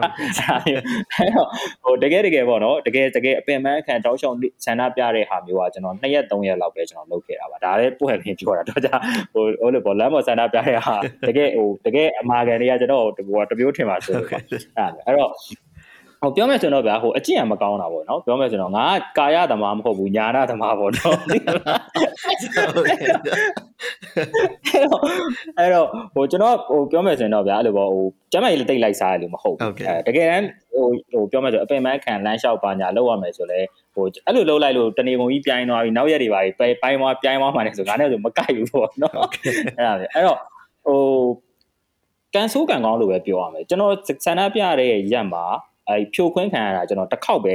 ကြုံဘူးတဲ့အဲ့ဒါကလည်းရီရောရီရတယ်အာဘာကြောင့်ကိုကျွန်တော်အဲ့လိုပေါ့နော်ဟိုတက်နိုင်တော့ကို network asset တွေနဲ့ကျွန်တော်မချိတ်ပဲနဲ့အလုပ်လုပ်တာများတယ်ပေါ့နော်ပြီးရင်ကျွန်တော်က ဟိုကျွန်တော် data ဇွဲနဲ့ကျွန်တော်အလုပ်မလုပ်ဘူးပေါ့နော်ကျွန်တော်ကျွန်တော်ရက်ွက်တွေကျွန်တော်မြို့နယ်တွေအဲ့ပုံမှာကျွန်တော် base ချပြီးမလုပ်ဘူးပေါ့နော်မလုပ်မဲ့ကျွန်တော်ယုံကြည်ရတယ်လို့ထင်တဲ့သူတွေနဲ့ပဲကျွန်တော်ချိတ်ချိတ်ချိတ်ပြီးလုပ်တာလုပ်တော့အဲ့အဲ့ပထမဆုံးဖြုတ်ခွင်းခံရတဲ့ဖြစ်ရက်ကိုကြုံတာဗမာနဲ့တော့ကြုံတယ်ဆိုစေးချောင်းနဲ့ဆန္ဒအတွက်ပြိုင်နေကြုံတာရေချောင်းနဲ့ဆန္ဒကြတော့မကြုံကျွန်တော်ကျွန်တော်ရေချောင်းကဒီဂျူငယ်ဂျူနီယာတွေပေါ့နော်အဲသူတို့ကိုလည်းကျွန်တော်လိုက်ပြီးတော့ကူညီပေးဘူးကနှစ်ခေါက်လောက်ရှိတယ်ဒါပေမဲ့ဟိုအဲ့လိုပေါ့လမ်းကြောင်းထဲမှာကျွန်တော်မဝင် point ပဲဟိုဖြစ်တာမျိုးပေါ့နော်အဲ့တော့ဟိုအဲ့တော့အဲ့တော့ကနေကျွန်တော်တို့လွတ်တယ်ပေါ့နော်ဟောအဲ့နေ့တွေကလွတ်တယ် AC ပဲအဲ့ခုနကသူများဆေးကြောင်းနဲ့ပြတာကိုကျွန်တော်မိတ်ဆွေဆရာဝန်တချို့ကလည်းရှိတော့အဲ့ချိန်မှာသူတို့နဲ့သွားပူပေါင်းပြီးရောက်တဲ့ရက်မှာအဲ့အဲ့နေ့မှာစပြီးတော့ဖြိုခွင်းခံရတာဒါတော့မှဒါရှင်းပြောတော့ဖြိုခွင်းခံရတဲ့နေရာနဲ့ ကျွန်တော်တို့ပြနေတဲ့နေရာတွေကဝေးတယ်အဲ့တော့ဆေးကြောင်းကအရှိကြီးပြဟုတ်တယ်တော်တော်ကြီးကိုရှိတာအဲ့လိုလူတိုင်းကြီးอ่ะလေအဲ့တော့အဲ့ချိန်မှာတကယ်ဖြစ်သွားတဲ့နေရာနဲ့ကျွန်တော်တို့နဲ့ကအနည်းဆုံး10မိနစ်လောက်ဆက်ရှောက်မှဟိုဖြစ်မဲ့နေရာဆိုတော့လွတ်လွတ်လပ်လပ်ပဲပြေးလိုက်ရတယ်ဆိုတာသာရှိတာတကယ်မြန်ဝါထင်နေတွေးလိုက်ရတဲ့အဆင့်ကိုကျွန်တော်တို့မရောက်ဘူးပေါ့နော်အဲ့ဒါပေမဲ့ online မှာတော့အဲ့အဲ့တုံးကစပြီးတော့ကျွန်တော်ထင်တယ်ဆရာဝန်တွေတောင်ဒီလိုလုပ်ရလားဆိုပြီးစပြီးတော့ဟိုလူတွေကဟိုပြောမှဆိုတော့ပြန့်ထွက်သွားတဲ့ပွဲပေါ့နော်အဲ့အဲ့နေရာပေါ့အဲ့အဲ့တော့ဟိုပြောချင်တာတော့ဟိုကျွန်တော်တို့ ယုံကြည်တော့ကတော့တကယ်ကိုယုံကြည်ခဲ့ပါတယ်ယုံကြည်တော့တကယ်ယုံကြည်ခဲ့ပါတယ်အဲဒါပေမဲ့တစ်ဖက်မှာခုနကလိုပေါ့နော်ဟို short တွက်လိုက်မိတာကတော့ပါလဲဆိုတော့ဘယ်လိုပြောမလဲဘလောက်ထိရရဆက်ဆက်နှိမ်နေမလဲဆိုတဲ့ဟာကိုကျွန်တော်တို့ short တွက်တာပေါ့နော် short တွက်လိုက်မိတယ်အဲပြီးရင်နောက်တစ်ခုပို့ရင်လည်းပြောရရင်တော့ကိုယ့်ဘက်ကခုလိုမျိုးလက်နက်ကင်ဒေါ်လာကြီးပေါ်မှာအလောက်ကြီးထိအင်တိုက်အားတိုက်ပါလာပါမလားဆိုတော့ဟိုယုံကြည်မှုကျွန်တော်တို့နည်းခဲ့တာပေါ့ဟုတ်နည်းခဲ့တော့ဟို ပွင့်လင်းပြောရင်တော့ဗျာဟိုမနိုင်မနိုင်ရင်တော့မတိုက်ချင်ဘူးလေဟုတ်တော့ဒါကတော့နိုင်တော့မယ်ထင်လားကျွန်တော်တို့ကတိုက်ချင်တာပေါ့နော်အဲ့တော့အဲ့ဒီအချိန်မှာကျွန်တော်ပြီးတော့ဟိုနောက်တစ်ခုပေါ့နော်ကျွန်တော်ဒီလက်နက်ကင်ဒေါ်လာနဲ့ပတ်သက်လို့ကျွန်တော်စပြီးတော့ဟိုပြောမှကျွန်တော်ဟိုလူသိရှင်ကြားဟိုပြောမှကျွန်တော်ထောက်ခံအားပေးတယ်ဆိုတဲ့စကားကိုထုတ်ပြောတဲ့ဟာဒီနောက်ကျတယ်ပေါ့ဟုတ်ကဲ့အာဘာလို့အဲ့လိုနောက်ကျလဲဆိုတော့ခုနအချက်တွေကြောင့် plus နောက်တစ်ချက်ကပါလဲဆိုတော့ကျွန်တော်ဟိုကျွန်တော်မလုံနိုင်မဲနဲ့သူများကို လုတ်ပါလို့ပြောဖို့ကျွန်တော်ကတော်တော်ဝင်လေးတယ်ဗျဟုတ်ကဲ့ဆရာအဲ့ဒါအဲ့ဒါကတော့ဒါရှင်းပြောတော့ဟိုအကြီးမားဆုံးလို့ပဲကျွန်တော်ကတော့ဟိုစင်ကြီးပြတာတော့မဟုတ်ဘူးပေါ့နော်ဒါပေမဲ့ဟိုကျွန်တော်အတွက်အနောက်ကျဆုံးဖြစ်ခဲ့အဲ့ဒါပဲအဲ့တော့ဟိုပြောချင်တာတချို့ဆိုရင်ညီတို့တွေ့ဘူးလားမသိဘူးလေ celebrity တွေထဲမှာ အာထားပါတော့ဟိုတကယ်လို့များဟိုစစ်မှုထမ်းရမယ်ဆိုရင်အစင်အသင့်မှာပဲလို့ပါလို့ရေးခဲ့တဲ့လူတွေရှိတယ်လေကျွန်တော်အဲ့လိုတော့မရေးခဲ့ဘူးသတိထားရအောင်ဒီကျွန်တော်ကျွန်တော်အောက်လျှောက်လဲအခုဒါလက်နက်ကင်ဒေါ်လာကြီးကိုကျွန်တော်တို့တက်နိုင်တော့ဟိုထောက်ပံ့တယ်အားပေးတယ်ကူညီတယ်ဘယ်ဘက်ကတက်နိုင်တဲ့ဘက်ကနေပြီးတော့เนาะတိုက်ရိုက်တွေဝဝင်းရတာတွေရှိတယ်ဒါပေမဲ့အခုအချိန်ထိကျွန်တော်အဲ့လိုစကားကျွန်တော်တခုံးမပြောခဲ့ဘူးပေါ့နော်လူသိရှိတာဘာလို့လဲဆိုတော့ကျွန်တော်မလုပ်နိုင်ဘူးဆိုတော့ကျွန်တော်သိလို့ အဲ့ကျွန်တော်မလုပ်နိုင်ဘူး အဲကျွန်တော်မလုပ်နိုင်ဘူးဆိုတဲ့ကိစ္စကိုသူများအောင်လဲကျွန်တော်ကအဲငါတော့မလုပ်နိုင်ဘူးမင်းတို့ပဲလုပ်ကြဆိုပြီးမြောက်ပေးရမယ်ပေါ့နော်ဒါပါတော့ဒါစစ်ကောင်စီလေးတန်းနဲ့ပြောတာပေါ့နော်မင်းတို့ကမြောက်ပေးရကောင်တွေပေါ့နော်အဲ့လိုမြောက်ပေးရမှာကိုကျွန်တော်ပွင့်လင်းပြောရင်စိတ်မတန့်ဘူးဗျတဲ့စိတ်မတန့်တော့အဲ့ဒီအချိန်မှာကျွန်တော်ကဟိုဒါကြောင့်ပေါ့နော်အတက်နိုင်တဲ့လောက်တော့ရိုးရိုးပဲသွားပါပေါ့နော်ခုန non violence နဲ့ပဲသွားပါအဲအဲ့ဒါကိုပဲကျွန်တော်တို့အဓိကလုပ်ပါအဲကျွန်တော်တို့ဆိုရင်တော့ရှင်းနေဗျာဟိုဘယ်လိုပြောမလဲကြားတနာမှနွားချမ်းသာရမယ်အနေအထားလို့ အဲ့အချိန်တုန်းကတောက်လျှောက်ကျွန်တော်တို့စဉ်းစားတာเนาะဒါစစ်ကောင်စီကစစ်ကောင်စီကိုလိုတာတဲ့ပုံပြီးအရင်ဒေါသထွက်အောင်မလုပ်တင်ဘူးဆိုတော့ကြောက်စိတ်ပေါ့နော်ဒါဒါပို့ရင်လည်းပြောတာအဲအဲကြောက်စိတ်ကြောင့်ကျွန်တော်ပို့ပြီးတော့အထိနာမယ်ဟောနော်အဲပို့ဟိုတကယ်လို့များပေါ့နော်တနက်ကင်တော်လေးသွားပဲပို့ပြီးအထိနာမယ်ပို့ပြီးဒုက္ခတွေရောက်မယ်အဲဒီလိုမျိုးတွေမဖြစ်စေချင်တဲ့အတွက်ဒါကျွန်တော်တို့ကဟိုဘာနဲ့တွားတူလဲဆိုတော့ဗျာဟိုယုံကြည်မှုဆိုတာလေတခါလေကြာရင်မှန်တယ်မှားတယ်ဆိုတော့ဟိုကြိုးချောင်းဆင်ခြင်မှုပုံမှာရှိတဲ့ယုံကြည်မှုတွေရှိတယ်။ဒါပေမဲ့တခါလေကြာတော့လေဟိုအကျိုးမျှော်တဲ့ယုံကြည်မှုဆိုတာရှိလဲရှိတတ်တယ် ဟောဟုတ်မှာဒီဒီအကျိုးရလလေးတစ်ခုကိုမျှော်လင့်လို့ဒါကိုကြိတ်ယုံလိုက်တာမျိုးပေါ့နော်ဥပမာဘာနဲ့သားတူလဲဆိုတော့ဘာပါတော့ကောင်မလေးတယောက်ကိုကောင်မလေးတယောက်နဲ့ထားပါတော့မျက်လုံးချင်းလေးနည်းနည်းစုံလိုက်တာနဲ့တင်ပေါ့နော်ဒီကောင်မလေးငါ့ကိုကြိုက်လားမသိဘူးလို့ယုံတာမျိုးပေါ့ဟုတ်ကဲ့သူကရှင်းပြတော့အချက်လက်တက်တွေရမခိုင်ပါဘူးညာဒါပေမဲ့ကိုစိတ်ချမ်းသာကြလို့သူကစိတ်ထဲမှာယုံနေလိုက်တာပေါ့နော်ကိုပေါ့ကိုဖြစ်အဲဖြည့်သေးလိုက်တာပေါ့အဲ့ဒါကျွန်တော်တို့လည်းလက်နက်ကင်ဒေါ်လာရေးမလိုတော့ဘူးလို့ယုံခဲ့တာဒီရှင်းရှင်းပြောရရင်တော့ကျွန်တော်တို့တက်တည်နေလို့ပဲအဲအဲ့လောက်ထိကျွန်တော်တို့မစွန့်ကိုယ်တိုင်မစွန့်စားနိုင်ဘူး ပြီးရင်အဲ့လောက်ထိစွန့်စားဖို့အတွက်ကြံတဲ့လူတွေလည်းအစင်းနဲ့ဖြစ်ပါမလားလို့ကျွန်တော်တို့ဟိုအထင်သေးမိရပေါ့နော်အဲအဲ့အတွက်ဒါရှင်းပြောတော့ကျွန်တော်တို့ကဟိုမယုံကြည်ခဲ့မိတာပေါ့နော်ခုနလိုစစ်ကောင်စီကအဆုံးစွန်လုံးပဲလို့လည်းကျွန်တော်မတွေးထားမိတာပေါ့နောက်ပိုင်းကျတော့မှခုနလိုပေါ့ကျွန်တော်ထင်တဲ့ဒီလူတွေတော်တော်များများလက်နက်ကင်ဒေါ်လာရေးကိုစပြီးစိတ်ဝင်စားတာဟိုခုနကတော့ပေါ့နော်နိုင်ငံရေးရရင်းချက်မှုရှိတဲ့လူတွေကတော့စောစီစိတ်ဝင်စားကြတယ်စောစီပြင်ဆင်ကြတယ်ပေါ့နော်ကျွန်တော်ဆိုလို့ကျွန်တော်တန်မန်ပေါ့နော်တန်မန်ကျွန်တော်တို့ နိုင်ငံရေးနဲ့နည်းနည်းအလှမ်းဝေးတဲ့လူတွေကပိုစိတ်ဝင်စားတာကျွန်တော်ထင်တယ်အဲ့တော့အဲ့နေပြီးတော့မှမက်မြတ်တုတဲ့ခိုင်ပြစ်ခံလိုက်ရတဲ့ဗီဒီယိုတက်လာတယ်လေအဲ့ဒါမျိုးအဲ့တော့ဒါကရှင်းပြောတော့တမင်ကြီးကိုတည်ပြစ်တာဆိုတဲ့ဟာအရန်ကြီးကိုဟိုပေါ်လွယ်တယ်ပေါ့နော်အဲ့တော့ဆိုတော့အဲ့လိုကိစ္စတွေဖြစ်တဲ့အချိန်ကြတော့မှပွင့်လင်းပြောရရင်အဲ့အချိန်မှာကျွန်တော်တို့ကလက်နဲ့ကင်သိမ့်ပြီဆိုတဲ့ဟာကိုတချို့လူငယ်တွေကျွန်တော်တို့ယုံရတဲ့လူငယ်တွေကစကားလာပြောရင်ကျွန်တော်တို့ကအဲ့ဒီအချိန်မှာကြိတ်ပြီး yes နေပြီဒါပေမဲ့ public ကိုတော့ကျွန်တော်တို့လည်းကြိတ်မ yes မ yes ဘူးဒါပေမဲ့အဲ့မှာမှတခုရှိတာလာတိုင်မင်တဲ့လူငယ်တွေမှာမှကျွန်တော်တို့ ਨੇ တကယ်100%ရင်းနှီးတဲ့ယုံကြည်ရတဲ့လူကိုပဲကျွန်တော်တို့ yes ရဲတယ်ဟုတ်ပါဘူးဆရာဘာကြောင့်လဲဆိုတော့ဟိုကြိုထွက်လို့လည်းမရဘူးလေပြီးတော့ပွင့်နေပြောကျွန်တော်တို့ကိုယ်တိုင်ဒေါ်လာရေးကိုဘယ်လောက်ထိငါဝင်ပါမလဲဆိုတာကလည်းမပြတ်သားသေးဘူးအဲ့ဒါမျိုးမပြတ်သားသေးတော့ဟိုရှင်းပြောရင်တော့ အဲကျွန်တော်ကျွန်တော်အများနဲ့နောက်တယ်စစ်ကောင်စီကငါ့ကိုဝရန်တွေစွတ်ထုတ်လိုက်လို့မဟုတ်ရင်ငါလည်းဒီလောက်ဆက်လုပ်ဖြစ်ချင်မှလုပ်ချင်ပါဘောနော်တွန်းအောင်ပါဆရာတွန်းအောင်